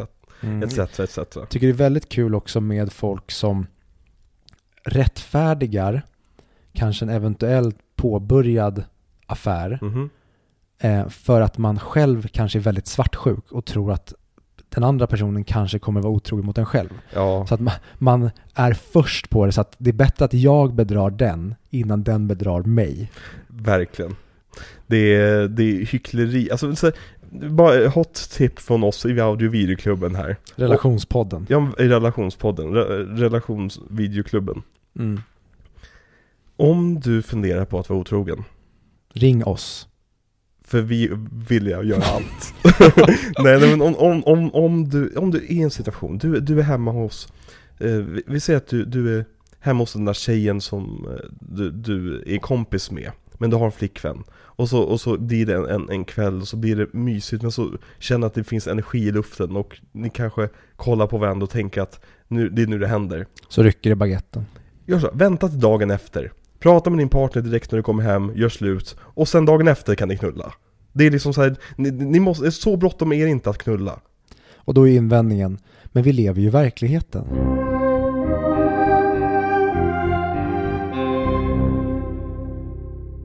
Vet du vad den här filmen borde heta? Nej. Doris och Boris. Ja, För det är vad den här filmen är. Det borde uppföljaren heta. Det här är typ eh, filmens bästa magitrick. Hon har otroligt fula klänningen på sig, och så tänker man okej, fan. Och så börjar man rycka i den, man bara, nej nej, du kommer göra sämre. Och då var helt plötsligt bara, vänta. Du är ju skitsexig den där. Ja, magitricket de gör på Jamie Lee Curtis är... Jag, jag tänkte i början att nej men... Nej, det här kommer, hon kommer inte kunna liksom fräscha till sig och sen Nej, alltså- efter, alltså, bara att hon tar vatten från vasen. Och vilken jävla kropp hon har. Alltså ursäkta, jag vet att jag pratar ofta om det här men vilken jävla kropp hon har för att vara typ, vad är det, 40-årsåldern vid det här laget. Ja, hon är väl 40 plus här. Ja precis. Mm. Jag tycker alltså det är, ja, Ska vi prata om eh, Gustav Schwarzeneggers son igen? du menar Arnold Schwarzenegger? Harry Tasker. Harry Tasker? Men han spelar skurken i filmen? Harry Rennqvist. Rehnquist, precis. Men jag tycker nästan, när han ska vara liksom diplomat, då jag, på något sätt köper jag honom som diplomat. Han eh, som spelar Harry Rennqvist var ju tydligen en väldigt duktig diplomat sen. I alla fall när det kom till vissa saker i hans stat som han var guvernör för. Jaha, du menar, okej. ja. Så att han har ju spelat rollen på riktigt också. Ja. Vad tycker du om Arnold Schwarzenegger i den här filmen? För Jäv- relationen till Arnold har vi gått igenom hundra gånger med det här Mm. laget, men Jävlar vad han är dålig. Och jävlar vad det är bra. ja, det, det hade inte funkat med någon annan skådespelare. Alltså ta bara scenen med eh, sanningselixiret. Bara det att Arnold pratar på det sättet han gör, gör den scenen hundra gånger roligare. Are we going to die? Yep. Åh, det, det, det tycker jag är filmens bästa leverans. Ja. Han bara, japp. Ja, åh gud. Han borde vara mer sådär i den här filmen, för jag tycker att det är återigen, jag vet inte vad, vad James Cameron riktigt gör för genre här, Mm. men de borde göra honom till en idiot. Ja, de borde som- dra upp den lite grann. De borde typ Johnny Englisha honom genom hela filmen. mm. För jag tycker att när den här filmen ska vara en seriös eh, spionfilm, Mm. Då är den som sämst. Ja. Förutom effekterna och liksom stuntarbetet. Ja. Men den är som bäst när den är retarded.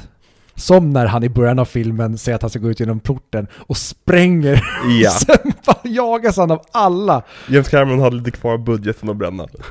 Ja, det var så jävla kul och oväntat. Ja, verkligen. Det är, hade, hade jag inte blivit spoilad av det ögonblicket från eh, The Making of, början på den, och inleder med just det, eh, så hade det varit ett jävla ögonblick. Men jag tycker Arnold, han, han hittar verkligen någonstans det här med att han börjar driva med sig själv i den här filmen. Mm. Som jag tycker jag eh, saknar lite grann i tidigare Arnold-filmer. Även när han ska vara rolig. I den här filmen vet ju han att han är alltså hilariously miscast. Förutom i Kindergarten Cop när han säger Shut up! Exakt. It's not a tumor! Åh, ta tillbaka Arnold Schwarzenegger Mm. till humorfacket nu. Ja. Men bara han också levererar när hon frågar Have you killed anyone? A lot of people, but they were all bad guys. som han säger som under sanningsserum, så det är Ja. precis det han tr- tror och tänker. Och, och bara hur, okej, i den här scenen som vi kollar på just nu när Jamie Lee Curtis strippar för Arnold, när han sitter och kollar på och låtsas vara en fransk vapenhandlare. Mm. Eh, alltså kolla på henne.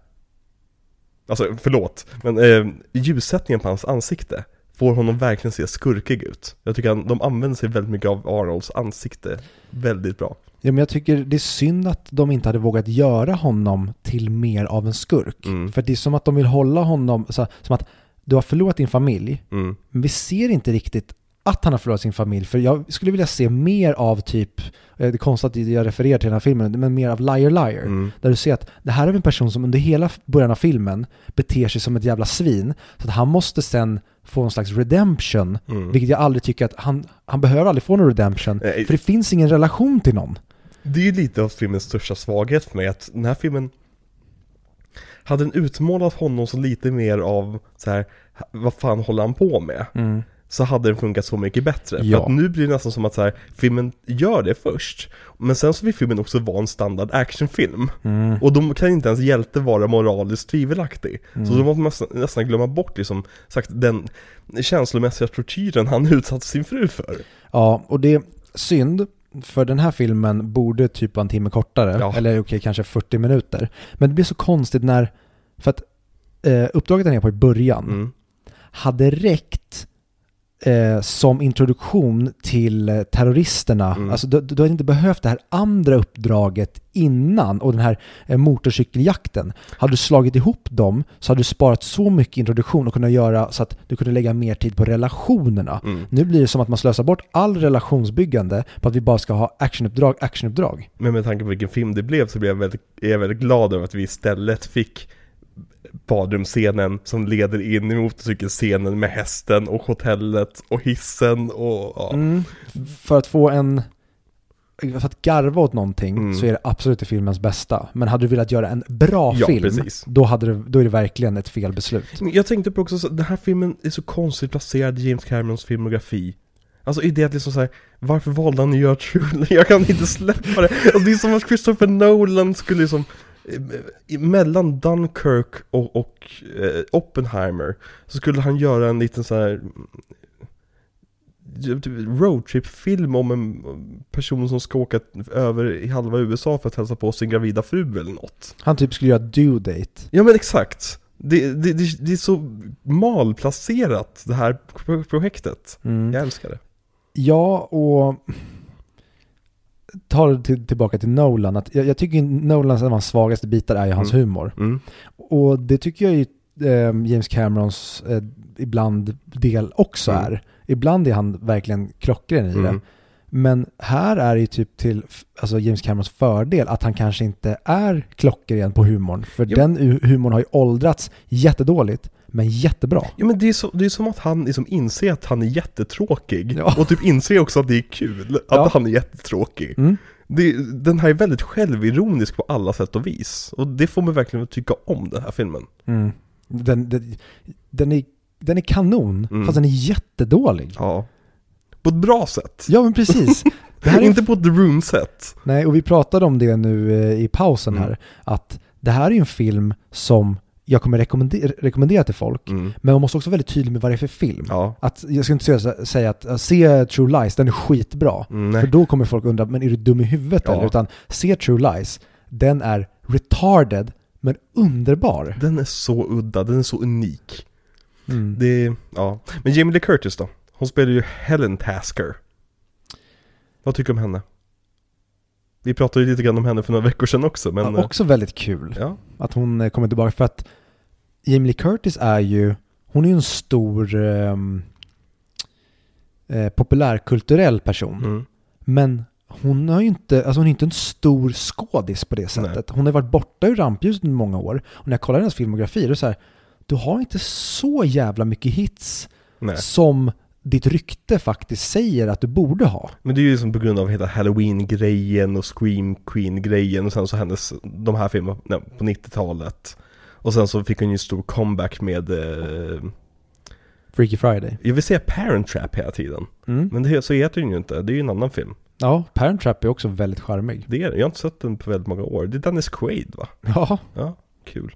Uh, nej men uh, Freaky Friday, så fick hon som en revival och nu, det, det är väldigt kul för James Cameron har ju samarbetat med alla de här tre power-kvinnorna från Hollywood. som, ser likadan ut. som nu har fått liksom remakes i sina franchises. Mm. Det enda som saknas är ju en Alien-film där Ripley kommer tillbaka och det var ju faktiskt på tapeten.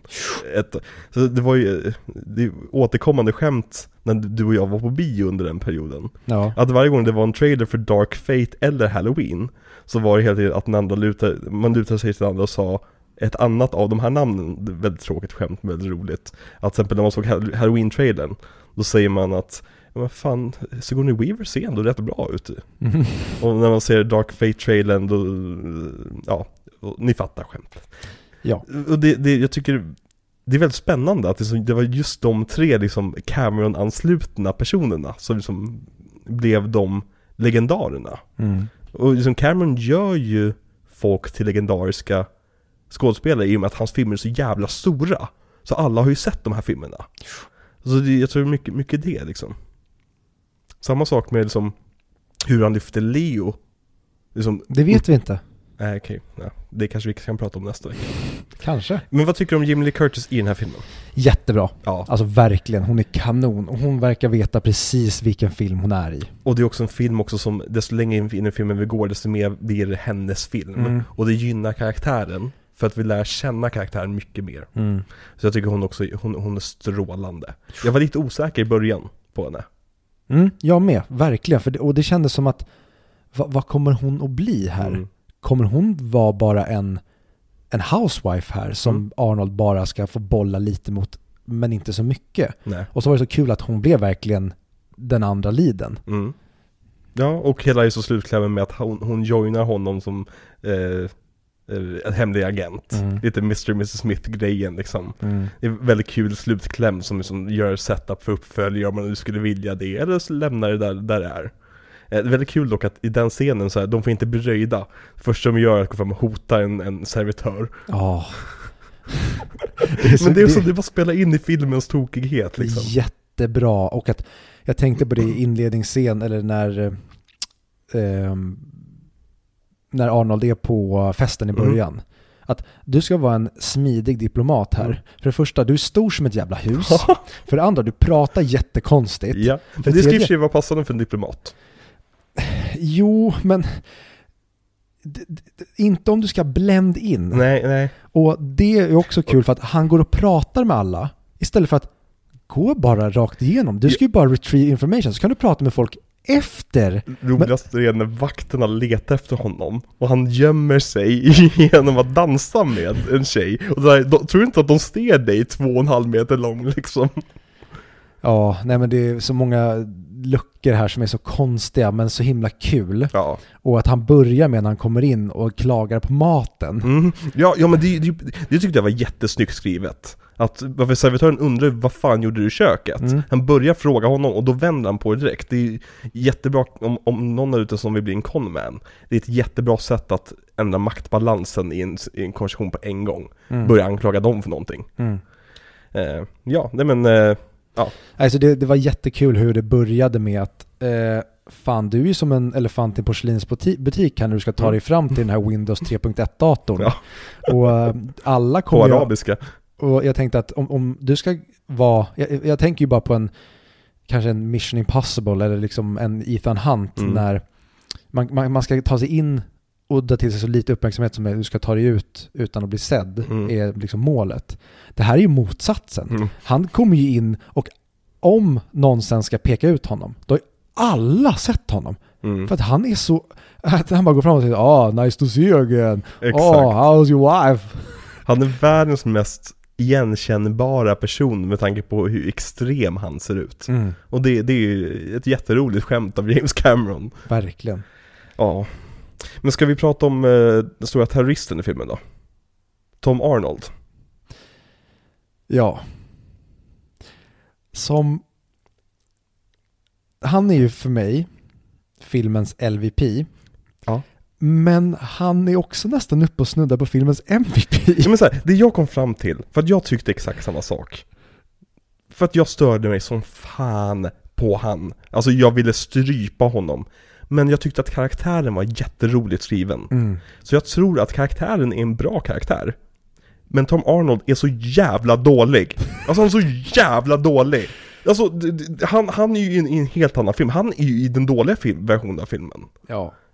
Och jag började tänka på så här, vem skulle kunna ersätta Tom Arnold i den här filmen? För jag vill ersätta honom.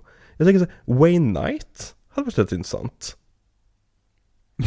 Varför inte? Ja, men så, du- för man, man kan nästan se det. Mm. Som, för att det, grejen de gör är att Arnold ska vara en superbuffa liksom ute på fältet Medan Tom Arnold ska vara liksom, som typ agenter egentligen är på riktigt Mm. liksom Sitter med sig skåpbilar och lyssnar på folk liksom Ja, men jag, jag är 100% med dig på Wayne Knight. Ja men han skulle ju verkligen passa in liksom. Mm.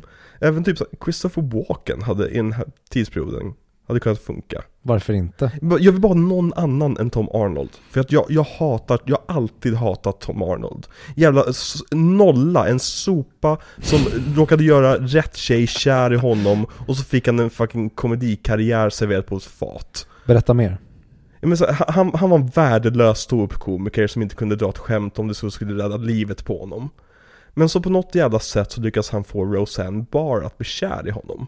Mhm. Ros- Roseanne Barr var ju då jättestor på den här tiden.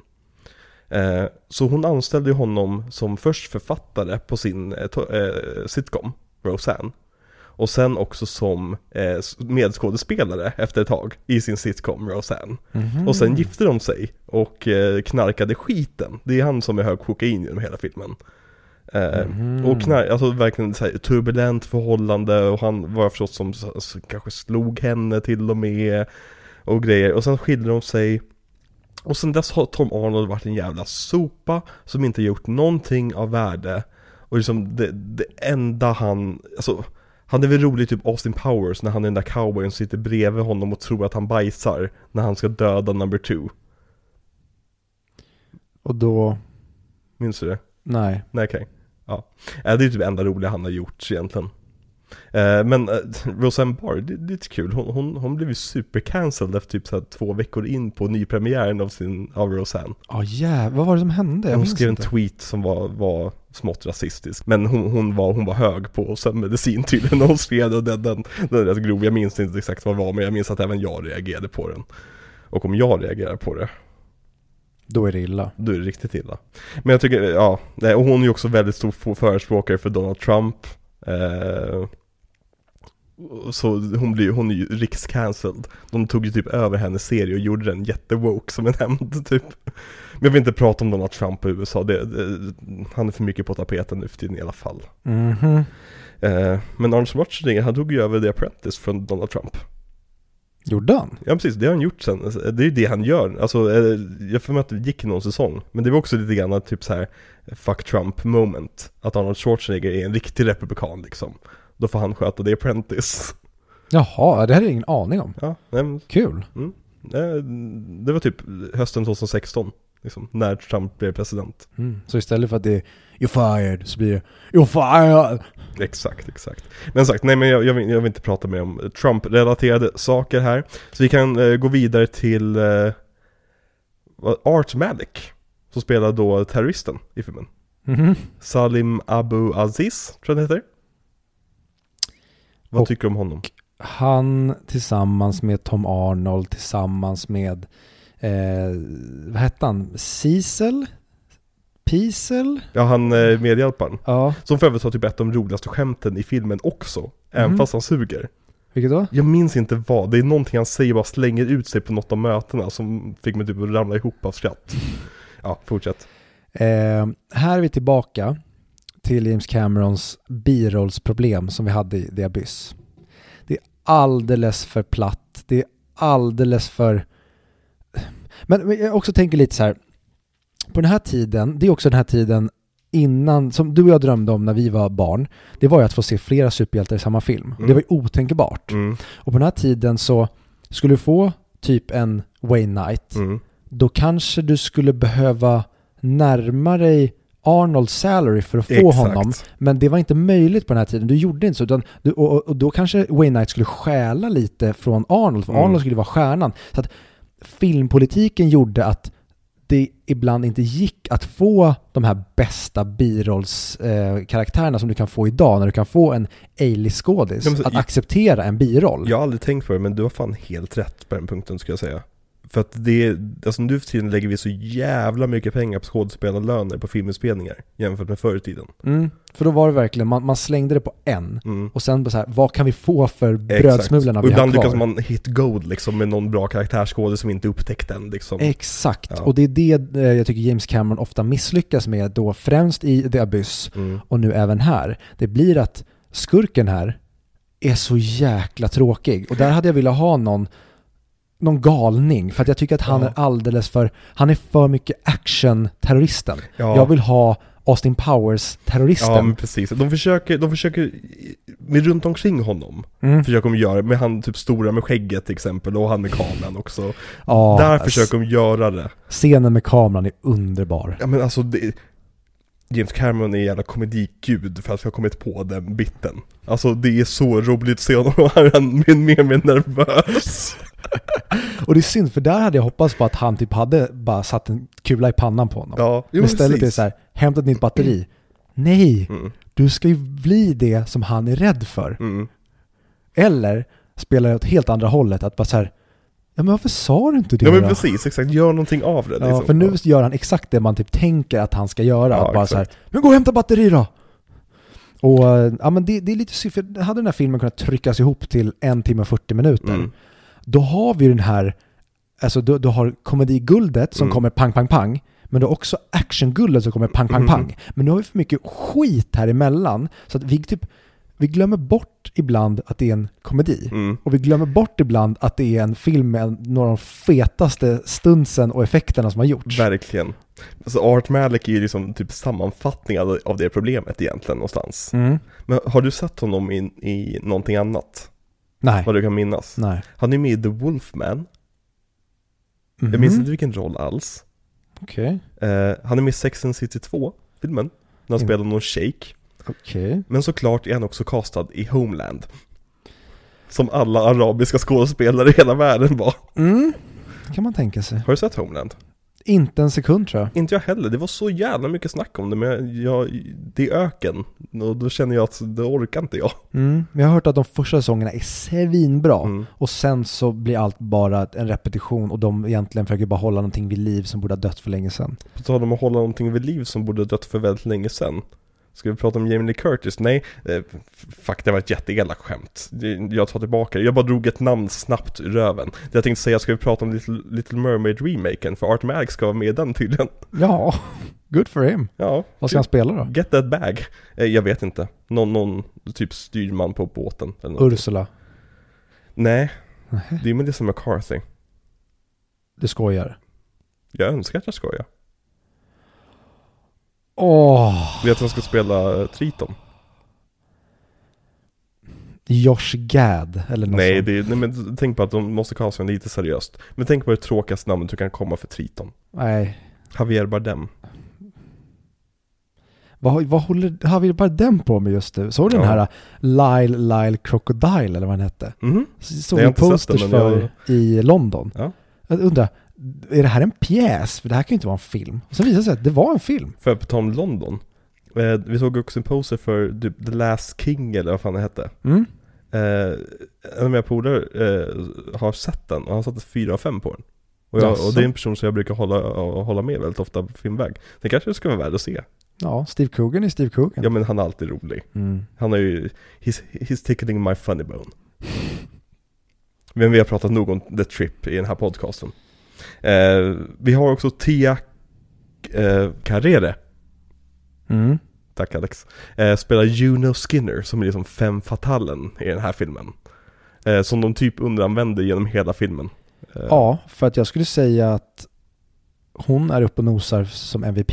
Hon är jättebra. Men det blev ingenting av hennes karriär verkar Nej, och det var det jag tänkte när filmen började så här. Okej, här har de tagit en typ fotomodell Mm. som inte kunde kunna, kommer kunna skådespela för fem öre. Och så äger hon sönder som skurk. Hon är med så lite. Ja, Och scenen när hon blir släpad av, av eh, Aziz. ja. Eh, alltså, bara helt orelaterat, men ljussättningen i den scenen. Vad fan håller James Cameron på med? Det är ju görsnyggt och det är typ en liten skitscen som borde vara färdig fem minuter. Som Mm. säkert tog typ omtagningar tre dagar på. Skitsamma. Men hennes reaktioner på hans sl- släpar och liksom deras dynamik, ja det är jättebra. Mm. Eh, men hon är ju från Hawaii Ah, och hon spelar Nani i eh, Lilo Stitch. Alltså äh, syrran. Mm, precis, exakt. Mm. Och hon också, hon är en av de här smarta personerna som har insett att det finns jättemycket pengar att göra i voice acting. Så hon är med i jättemånga Disney-projekt. Ja, men det är för att hon är så jävla ful så ingen vill se henne på skärmen. tycker också, man borde visa henne mer på skärmen tycker jag. Mm. Så väldigt bra ut. Men hon har ju också varit med i, ska jag säga, The Apprentice med Donald, vad fan Bill Paxton. Har Ska inte vi- varit med i The Apprentice. Skulle i och för sig inte förvåna mig. Han känns väldigt Celebrity Apprentice-kompatibel. Mm. Okej, Bill Paxton är med i den här filmen. Jag tror ingen und- undgår att se det när man ser den här filmen. Nej, och Bill Paxton, Mm. det, han är, om det fanns liksom en blaj-Oscar, ja. då ska han ha den. Jo. Men, varför kunde han inte bara struntat i att vara Hudson Mm. på samma nivå som han är Simon i Alltså, den här? Simon kan vara en av de roligaste karaktärerna som har skrivits på 90-talet. Ja, Jag älskade Simon. Alltså hela hans jävla eh, långa monologande när de sitter och åker bilen om alla tjejer han ligger med och hur man får dem på fall och grejer. Han är så sleazy och så jävla underbar. mm. Men jag tycker det finns en scen som saboterar Simon-grejen för mig. Och det är sista scenen. Mhm. Där jag tycker att det går överstyr. Med eh, hans No, no, no! Liksom. jag håller med dig. De gör Simon till lite för mycket av en tönt när han töntifieras. Och han ska börja skrika om att han har liten kuk och grejer.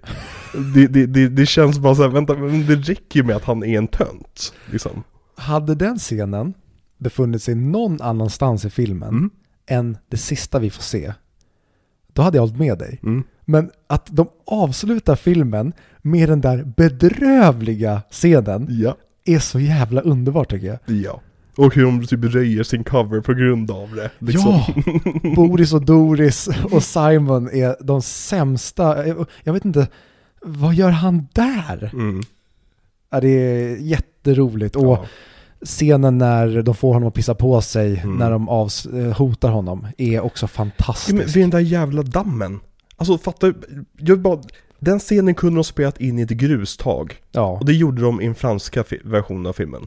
Men den där jävla dammsekvensen måste ju kostat sjukt mycket. mm. Alltså, det, och den är snyggt filmad och det är liksom Ja, för övrigt överlag, den här filmen är jättesnyggt fotad. ja men det, det här, den ser ut likadant som Terminator 2. Ja, nej men precis, man skulle kunna ta och klippa ihop den här med Terminator 2 på något sätt. Mm.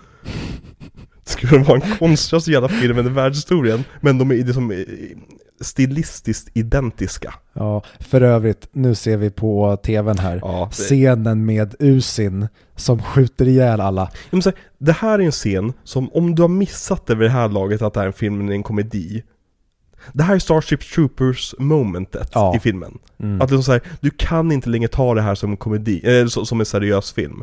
Du, du, ser du den här och tänker att det här är dåligt för att det här skulle aldrig kunna hända, då har du missuppfattat vad det här är för typ av film. Och jag tror Mm. att den eh, landade exakt som Starship Troopers. Ja, och det är ju lite grann nog därför den här filmen är så bortglömd. Alltså jag, jag vill gå på korståg för den här filmen. Vi måste reclaima True Lies. True Lies. Eller Boris och Doris. Boris och Doris, vi klipper om den som Doris och Boris. Ja.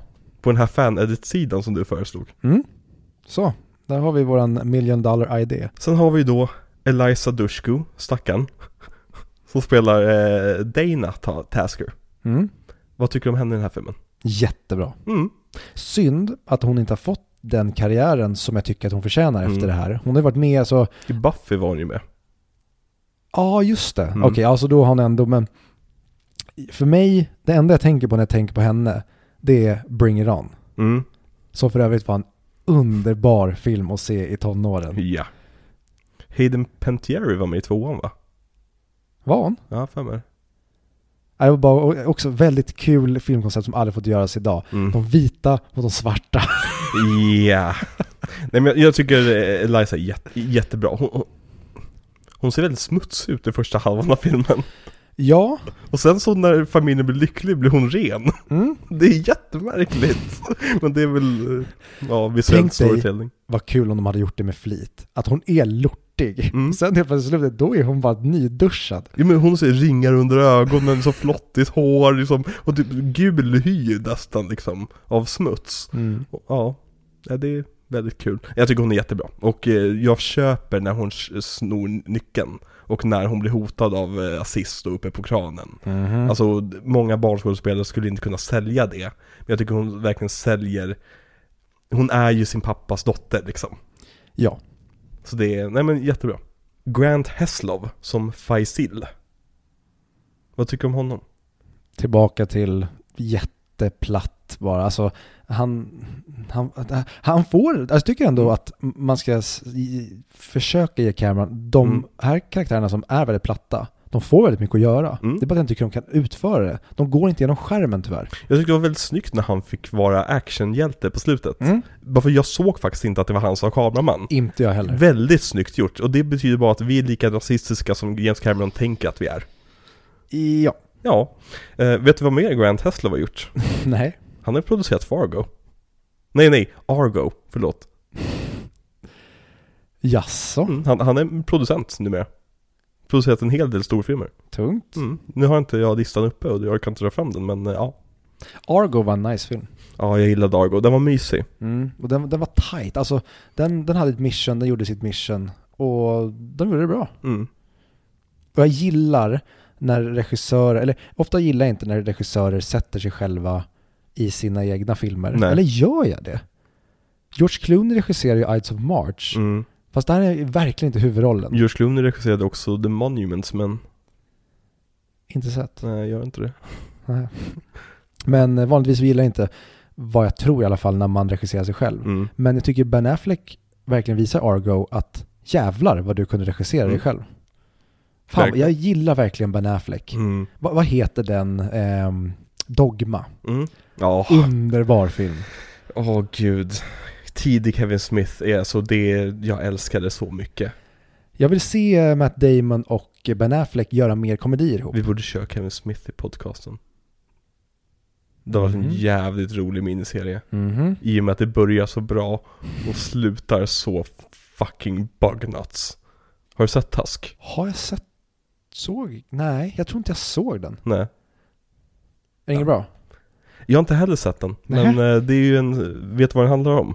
Nej. Nej, Okej, då ska jag inte spoila det. Mm. för en eh, eventuell mm, miniserie framöver. Eh, en sista skådespelare jag bara vill nämna, Charlton Heston. Som spelar Nick Fury. Vad gör han? Men också, han vet vilken film han är i. Ja, och det är en kul grej att de tar Charlton Heston som liksom den stora chefen. Mm. För den som inte vet, vi har säkert anledning att återkomma till Charlton Heston flera gånger i framtiden också. Men han var ju med i eh, till exempel Planet of the Apes. Han var också den stora stjärnan från Ben Hur.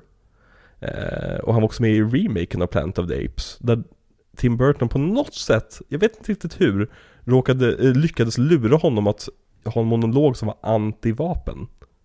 Med tanke på att Charlton Heston var typ ordförande för NRA i flera år. Men han kanske bara sa att det här är en roll bara. Ja, kanske, eh, det, det skulle ju få mig att respektera Charlton Heston så jävla mycket. Att han, liksom, han, han är villig, för det är också en så viktig fråga i USA. Jag tror Mm. inte vi i, USA, vi i Sverige riktigt fattar den grejen. När vi pratar om vapenlagarna i USA. Nej. Men det är en otroligt viktig och stor fråga för folk. Mm. Just Charlton Heston, han har ju sagt liksom att You can take my weapon from my cold dead hands liksom. Det, han har haft en stark statement på det. Då skulle det vara jävligt coolt av honom bara, ja men, men det här är en roll. Liksom, Och det, det tycker jag är så himla synd med hela woke-grejen i USA idag. Att de har nu gått så långt att ja, men nu får bara bögar spela bögar och bara transpersoner får spela transpersoner. Mm. Jag hade haft så mycket mer respekt för dem om, och framförallt då om du nu är superdemokrat, mm, men då borde det roliga som finns är att spela en superrepublikan. ja. Eller att man, man tar folk som verkligen inte är det de spelar. Det är ju det som skådespelande är. Att få grotta ner dig i ett, en roll och ett psyke Mm. som du inte kan relatera till alls på förhand. Och- men där du förstår Mm. var personen kommer ifrån och gör det perfekt. Och där tycker jag att typ, det är så synd om James Woods. Tycker jag. För att Mm. han är en sån fantastisk jävla skådespelare. Och så har han liksom blivit helt nedtaintad av sitt trumpande. Praktiskt taget. Vilket gör honom- oanställningsbar. Vilket är så synd för han är så jävla bra. Ja, fan James Woods. Åh, Ja. för övrigt. ehm, Ja. Du som inte sett Entourage än. Nej. James Woods är med och spelar James Woods. Ja men det, ja, mm, Som har damp. ja, nice. Och hotar med att han ska slå ihjäl människor. Här har vi för övrigt filmens sinnessjukaste jävla scen. Förlåt jag bara bryter här men, men okej. I slutet på filmen så försöker terroristerna fly från eh, compounden alltså de var på där de blev ägda av Arnold. De flyr i, i, i lastbilar och man tänker att Arnold kommer köra efter dem och kanske hoppa in i en lastbil och, och kanske skjuta lite terrorister och sen så typ stanna bilen eller någonting. Nej. Arnold skickar in flygvapnet. Och så kommer det tre fucking jetplan och ehm, spränger bilarna i luften tillsammans med bron. Ja. I en scen som pågår och pågår och pågår och är helt jävla underbar med fantastiskt flygfoto och miniatyrarbete och explosioner och så här, nej men ni behövde ju inte det här. Nej. Ni hade kunnat göra en standard actionscen där Arnold jagar efter dem i en bil. Men det här är James Cameron som gör film. Och då hyr vi in fucking flygvapnet för 100, nej, vad är det kostar? 100 miljoner om, om dagen? Eller vad fan var det? Mm. Det finns någon siffra där ute. Mycket pengar i alla fall. Nej, 100 miljoner i budgeten för filmen. Ja, Precis, 100 000 om dagen då. Ja, det kan det ju vara. Ja. För att så jävla snyggt. Det enda som råkar avslöja att det är en miniatyr är vattnet. Hur det rör sig. Resten är fucking gorgeous. Vi talar om alltså när bron sprängs. Mm. Och folk trodde ju att han hade sprängt en bro på riktigt. Bron är sprängd. Nej, jag ser att den är där. Mm. Och så skriver vi helikopter på sidan av våran bil. Och så åker vi över bron ändå. Det repmånad? Ja. Gud. Mm. Det satt djupt inne. Jag tror inte jag sett den på säkert 20 år. Jag tror inte heller sett den sen i alla fall tonåren. Mm. Men jävlar vad den är en underbar prequel till Sällskapsresan. Mm.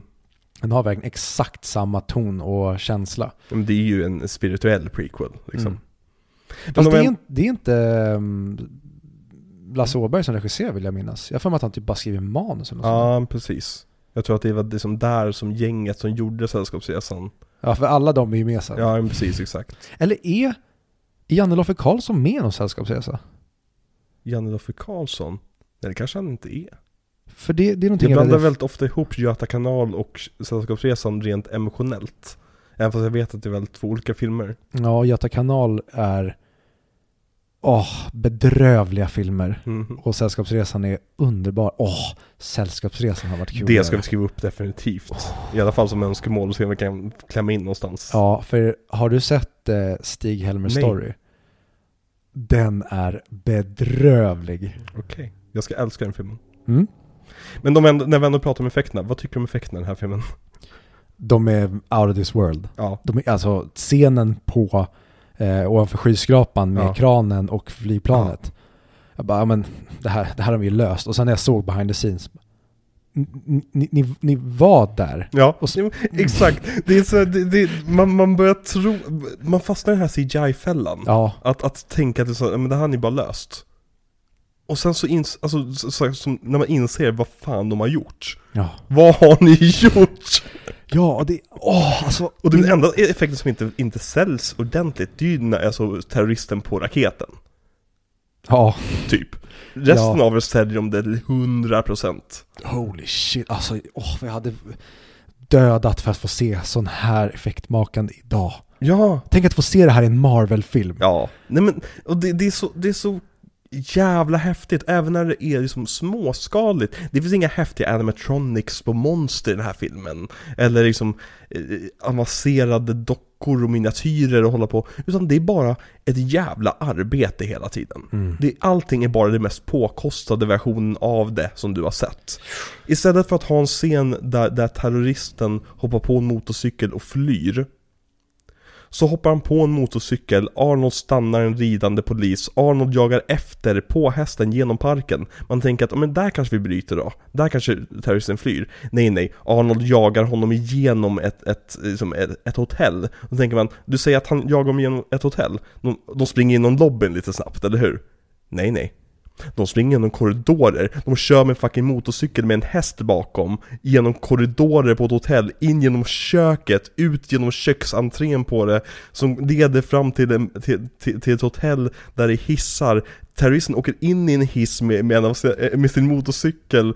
Arnold ser det och stannar typ i en fontän Rider runt fontänen, in i en av de andra hissarna med sin häst Ut på taket på hotellet och där konfronterar de varandra och terroristen flyr.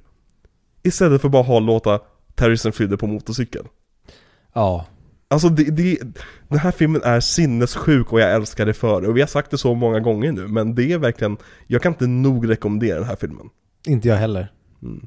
Har, har någon annan effekt i filmen som Ja men såhär, jetsen överlag, det är som det är, Ja, alltså när ehm, Arnold räddar sin dotter ja. Och han hänger där i luften och bara när typ tailen på planet drar genom rutorna, alltså Ja. allt sånt där, det, det är fysisk porr för att... Eller det här när de räddar Jamie Lee Curtis ur bilen. Åh. Hon glider ur liksom. Och det här bara när de filmar ner på Jamie Lee Curtis när han Ja. hänger, Så är det på riktigt va? ja, för att det går inte att fejka. Nej. Du ser och vi ser direkt. det på en gång. Ja, Speciellt eftersom James Cameron, det är James Camerons svaga punkt har jag märkt. Background pro- projections. Och de verkar bara dyka upp i bilar. Ja, jag vet, han, det, det, är, han, det är hans svaga punkt. Eh, Så man märker direkt när det är på riktigt och på, och på låtsas när folk är i fordon i James Cameron-filmer. Mm. Men bara den där shotten, det behövde vi inte. Nej. Men det är så jävla ballt. Flygplan är häftiga. Ja, de är verkligen så jävla Och häftiga. hur hon kan landa och eh, lyfta vertikalt. Alltså det är pojken i en skriker bara. Mm. Ja, några övriga scener som vi pratar om. Bilscenen med Paxton, du har varit inne på. Badrumsscenen. Ja, vi pratade lite om den. Ja, vi gick över till musiken när vi Ja, pratade om jag tycker att den, den är... Den är jättedålig för att där riktigt tycker jag inte de har sålt in vilken typ av... Alltså det ska vara en sån komedi. Mm. Men när du väl vet att det är en komedi så är den ju underbar. För att den... Den är inte så snyggt koreograferad. Allt känns bara dumt och när Arnold kastar sig ut ur toabåset Mm. och han inte hinner skjuta honom. Är, ja, det är väldigt kul. Ja, och gubben som sitter och bajsar. Ja. Det är väldigt klassiskt gag också. Mm. Att ha någon liksom bystander. Och det är ju samma sak i, i, eh, fly, med flyg, flygplanet på slutet. När man städar den. Ja. De städar rummet och inte märker att det är eh, flygplan som håller på att åka in. Jag, jag gillar sådana skämt. Mm. Har du någon annan scen? Nej, alltså vi har pratat om egentligen alla scener, ja nu sprängs atombomben. Vi har pratat egentligen om alla scener som jag har på rak hand sådär. Det finns så många scener i den här filmen. Eh, och det finns så mycket som händer i den här filmen att man glömmer bort typ hälften till slut.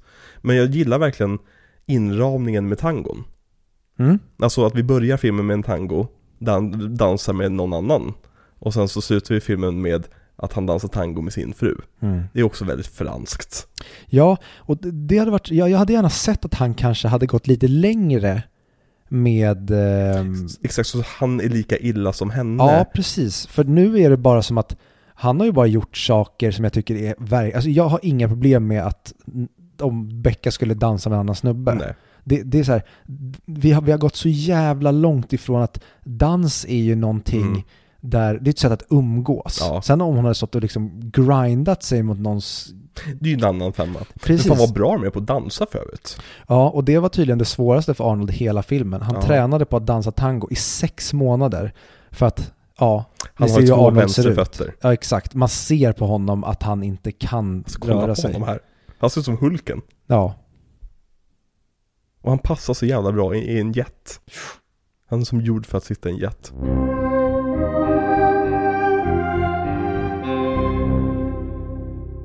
För den här filmen blev ju en megasuccé. Det blev in Det- 378 miljoner dollar. ja det, det... Den tredje mest inkomstbringande filmen det året efter Lion King och Forrest Gump. Är, är True Lies, liksom. Om man skulle be någon gissa, de tre mest inkomstbringande filmerna 2000, eh, 1994, då skulle ju Forrest Gump vara med där, Lion King var med där, och sen skulle man sitta där, men vilken mer film? Pulp Fiction är 94. Ja men precis exakt, någon, någon sån skulle man säkert dra. Jurassic Park 94. 93. 93. Vad har vi med 94? Det är väl 94 som är uppe bland bästa filmåren ever. Mm. Tillsammans med 99 och vad är det mer? Ja men precis, och 91 och 2008 och 7 Ja men det är något 80-talsår också. 89 är väldigt populärt, 86 var också väldigt fyllt. Ja okej, för det är, jag tror det är 86, 94 och 99 som jag tycker oftast är de Mm. som hamnar högst upp på listan. Och att den här, för, för nu vill jag ju nästan slå ett slag för 94.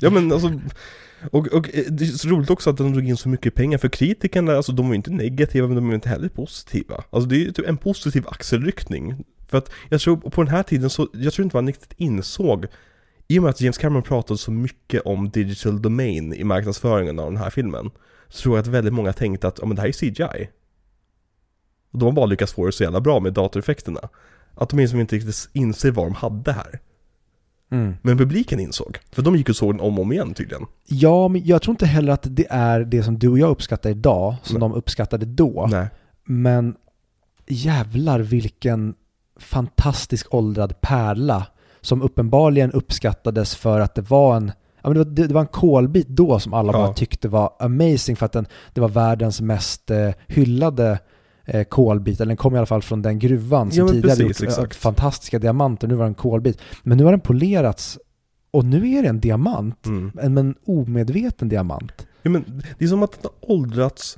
jättebra rent filmtekniskt sett Ja. Och åldrats skitdåligt på varje storybeat Ja. Det, det är verkligen så här, den här filmen, alltså redan då, redan 94 blev den här äh, liksom cancellad av intressegrupper för islamofobi och sexism. Och det är liksom, det har gått 25 år sen dess liksom. Om man pratar om filmer som aldrig hade kunnat göras idag. Den här filmen hade ju blivit hatad av folk idag.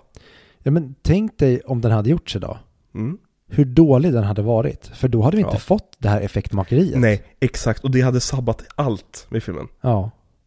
Och då hade de förmodligen gjort eh, mycket mer typ sympatiska karaktärer. Kanske Mm. Arnolds karaktär, hade, alltså Harry hade varit en han hade inte pratat så att man ibland inte fattar vad han säger Mm. och liksom varit en snudd på en idiot som du sa, typ filmens skurk. Mm. De hade gjort honom till den här helpappan som har tappat bort sig. Mm. Men det är så bra att vi inte får det. På tal om ingenting alls. Reporten som kommer här, alltså som var med nyss. Mm. För någon, jag fick en känsla av att han skulle spelas av Jim Carrey. För det här är som precis innan Jim Carrey droppar ordentligt liksom. I samma Det, år. bra att du säger det, för det tänkte jag på. Ja. Tom Arnolds karaktär hade Jim Carrey kunnat spela. Ja, verkligen. Han hade levererat det som, det Mm. hade varit skitbra. Men nu tänkte jag på i slutscenen här, Mm. eh, Elisa Dushku, väldigt lik, eh, det skulle kunna vara en ung Anna de Armas. Mm. Och hon har också väldigt mycket Edward Furlong energy. Alltså den här liksom smutsiga ungen som åker, å, å, åker motorcykel liksom. Ja, sure. Mm. Eh, men den blev ju nominerad för en bästa effekts-Oscar. Mm. Som den inte vann. Hä. Forrest Gump vann. Ja, rimligt. Ja, väldigt bra effekter den. Där, där snackar vi David Fincher, CGI och effektmakeri. Jävlar. Och jag kommer ihåg när man såg Forrest Gump som barn och inte visste om alla de här grejerna. Ja. Alltså man hade typ inte koll på presidenter och hur man hade klippt in honom och sånt. Och sen när man blev äldre och såg att oj, vad fan har ni gjort här? Mm. Jävlar! Det är så nära sömlöst som det går. Jag ska säga att det är dock en film som har sabbats av Blu-ray-releasen grund av att nu när det är så pass högupplöst så speciellt JFK-scenerna är rätt knackiga. Men där skulle jag säga att det är en del av charmen idag. Mm. Det är väldigt kul att se hur saker inte riktigt synkar. Ja, men alltså, även annat effektarbete i den filmen, till exempel eh, benen på Lieutenant Dan. Mm. Alltså det finns ju en väldigt, väldigt känd scen vid det här laget Där han sitter på golvet och ska bara snurra runt Och han har ju ben Men där han snurrar med där benen ska vara står ett bord Och där säljer du effekten för att du tänker ju hur fan lyckas de snurra förbi bordet? Mm. Effekten är att bordet är CGI Ja, shit. Sånt där är så jävla amazing. Ja Men det här är ju också ännu en Cameron-film som inte finns att se någonstans Så jävla konstigt. För att James Cameron annonserade 2018 om att jo, men jag vill restaurera den här själv. Vilket verkar vara återkommande problem med filmer som ska... Ja, men James, du ska göra 300 Avatar-filmer. Har du tid med det här? Han måste ha tid Exakt.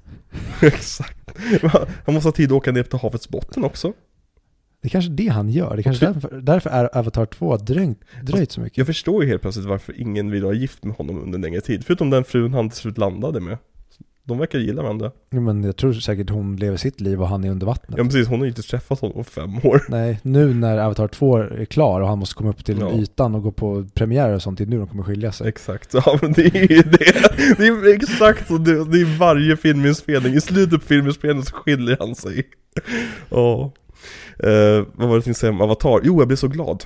Jag hörde James Cameron säga att han eventuellt inte kommer regissera 3, 4, 5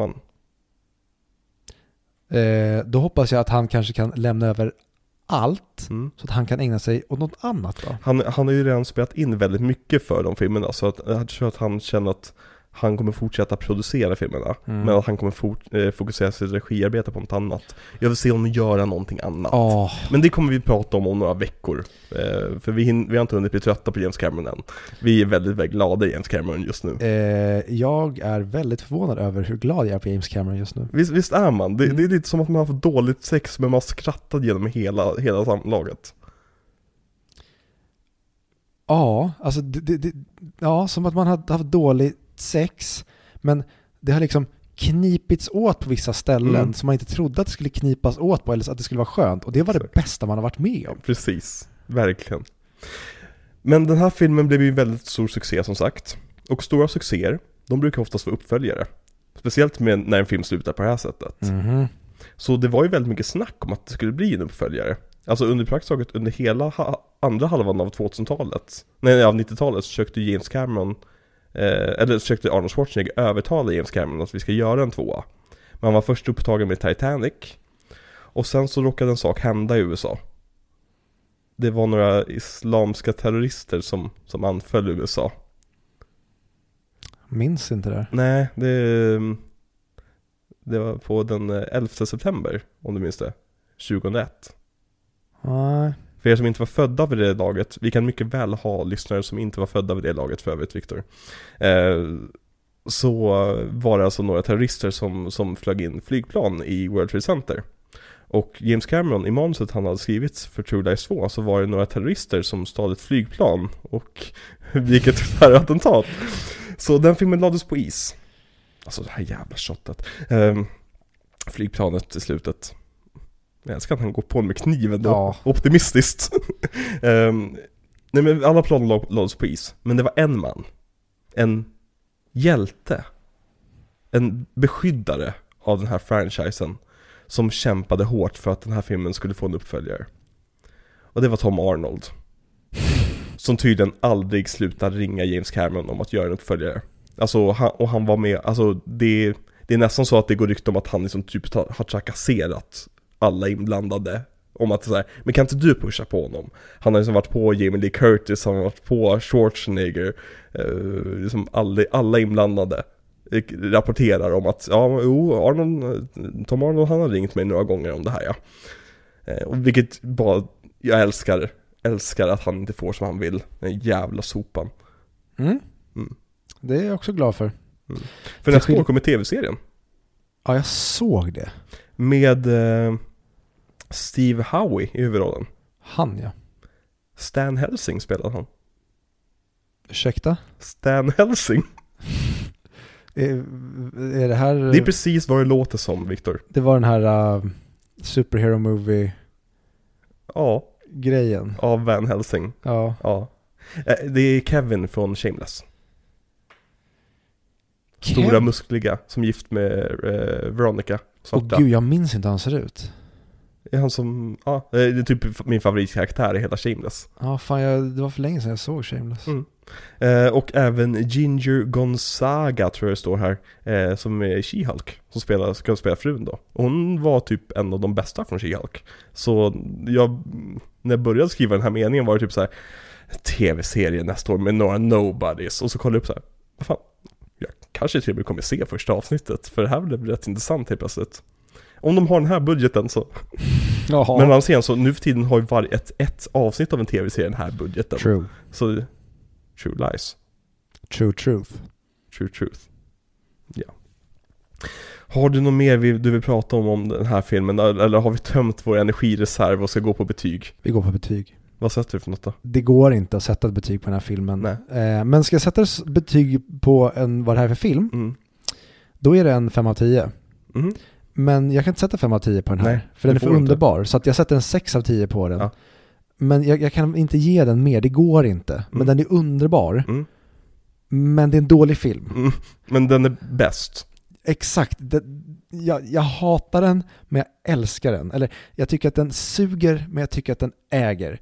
Så att, ja, det blir en 6 av 10 Mm. på det här med en slags, någon slags asterisk där det bara står så här I love you. Mm. Ja men Typ. pre- precis. Den här filmen, på, på en skala mellan 1 till 5 så får den här filmen K.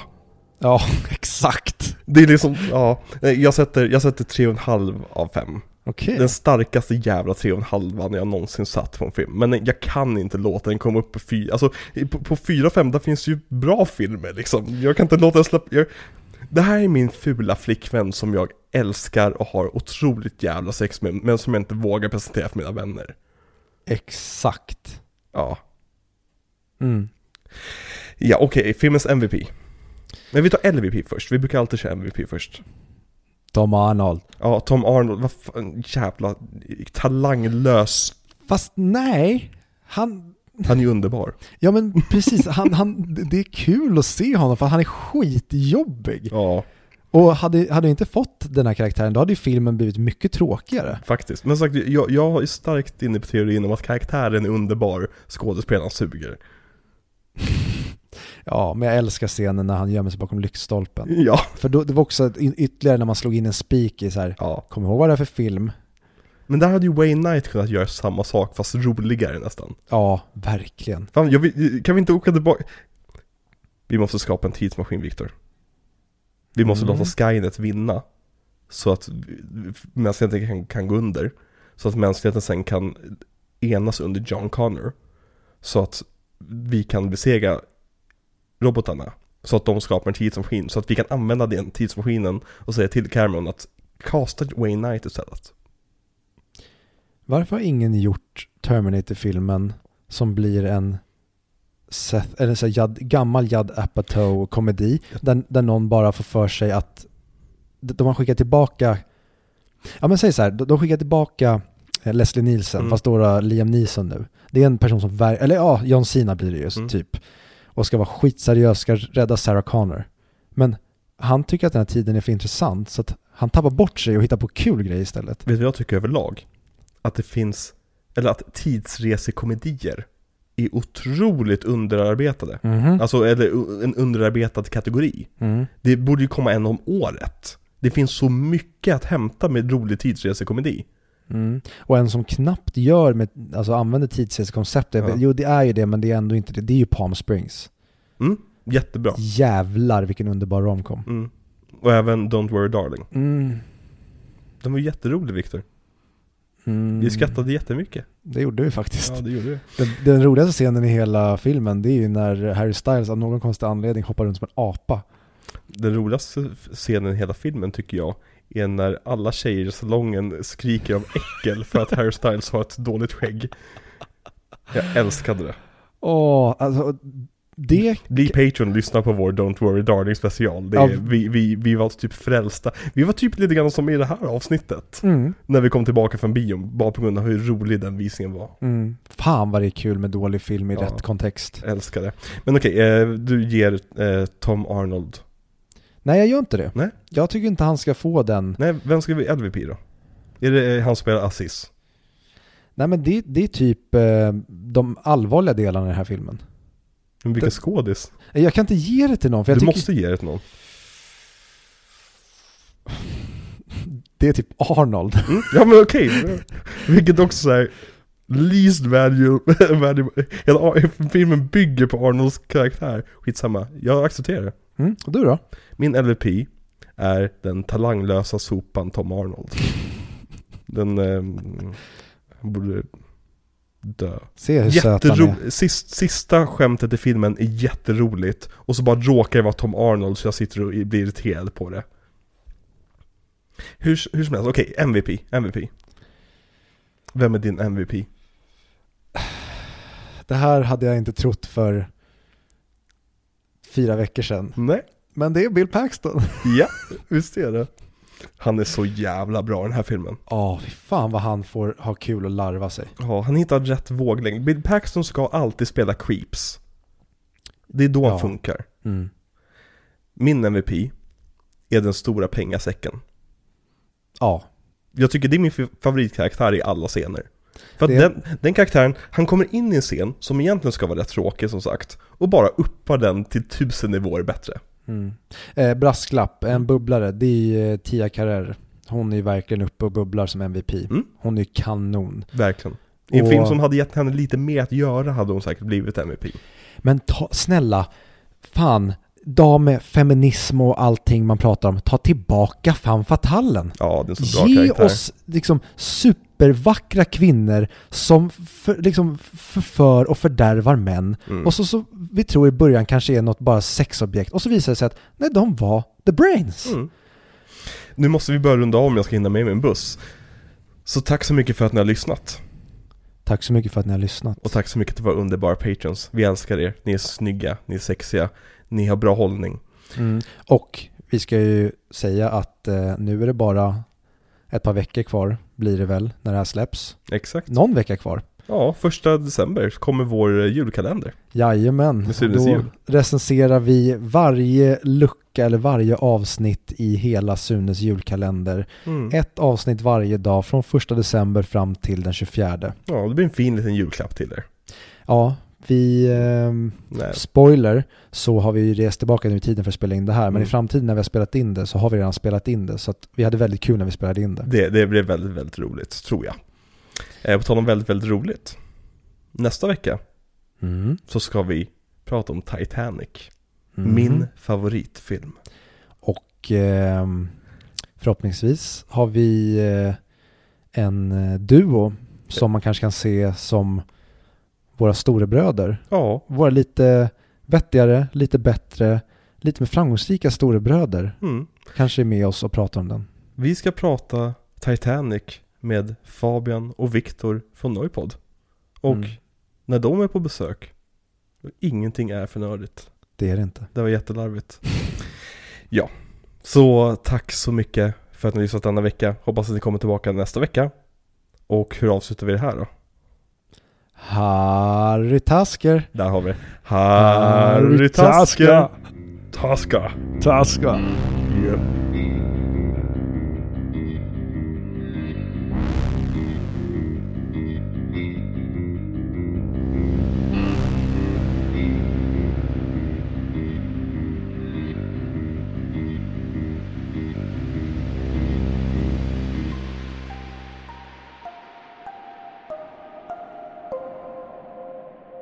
Okej, Eh, och- eh, inte, inte, inte nu Viktor.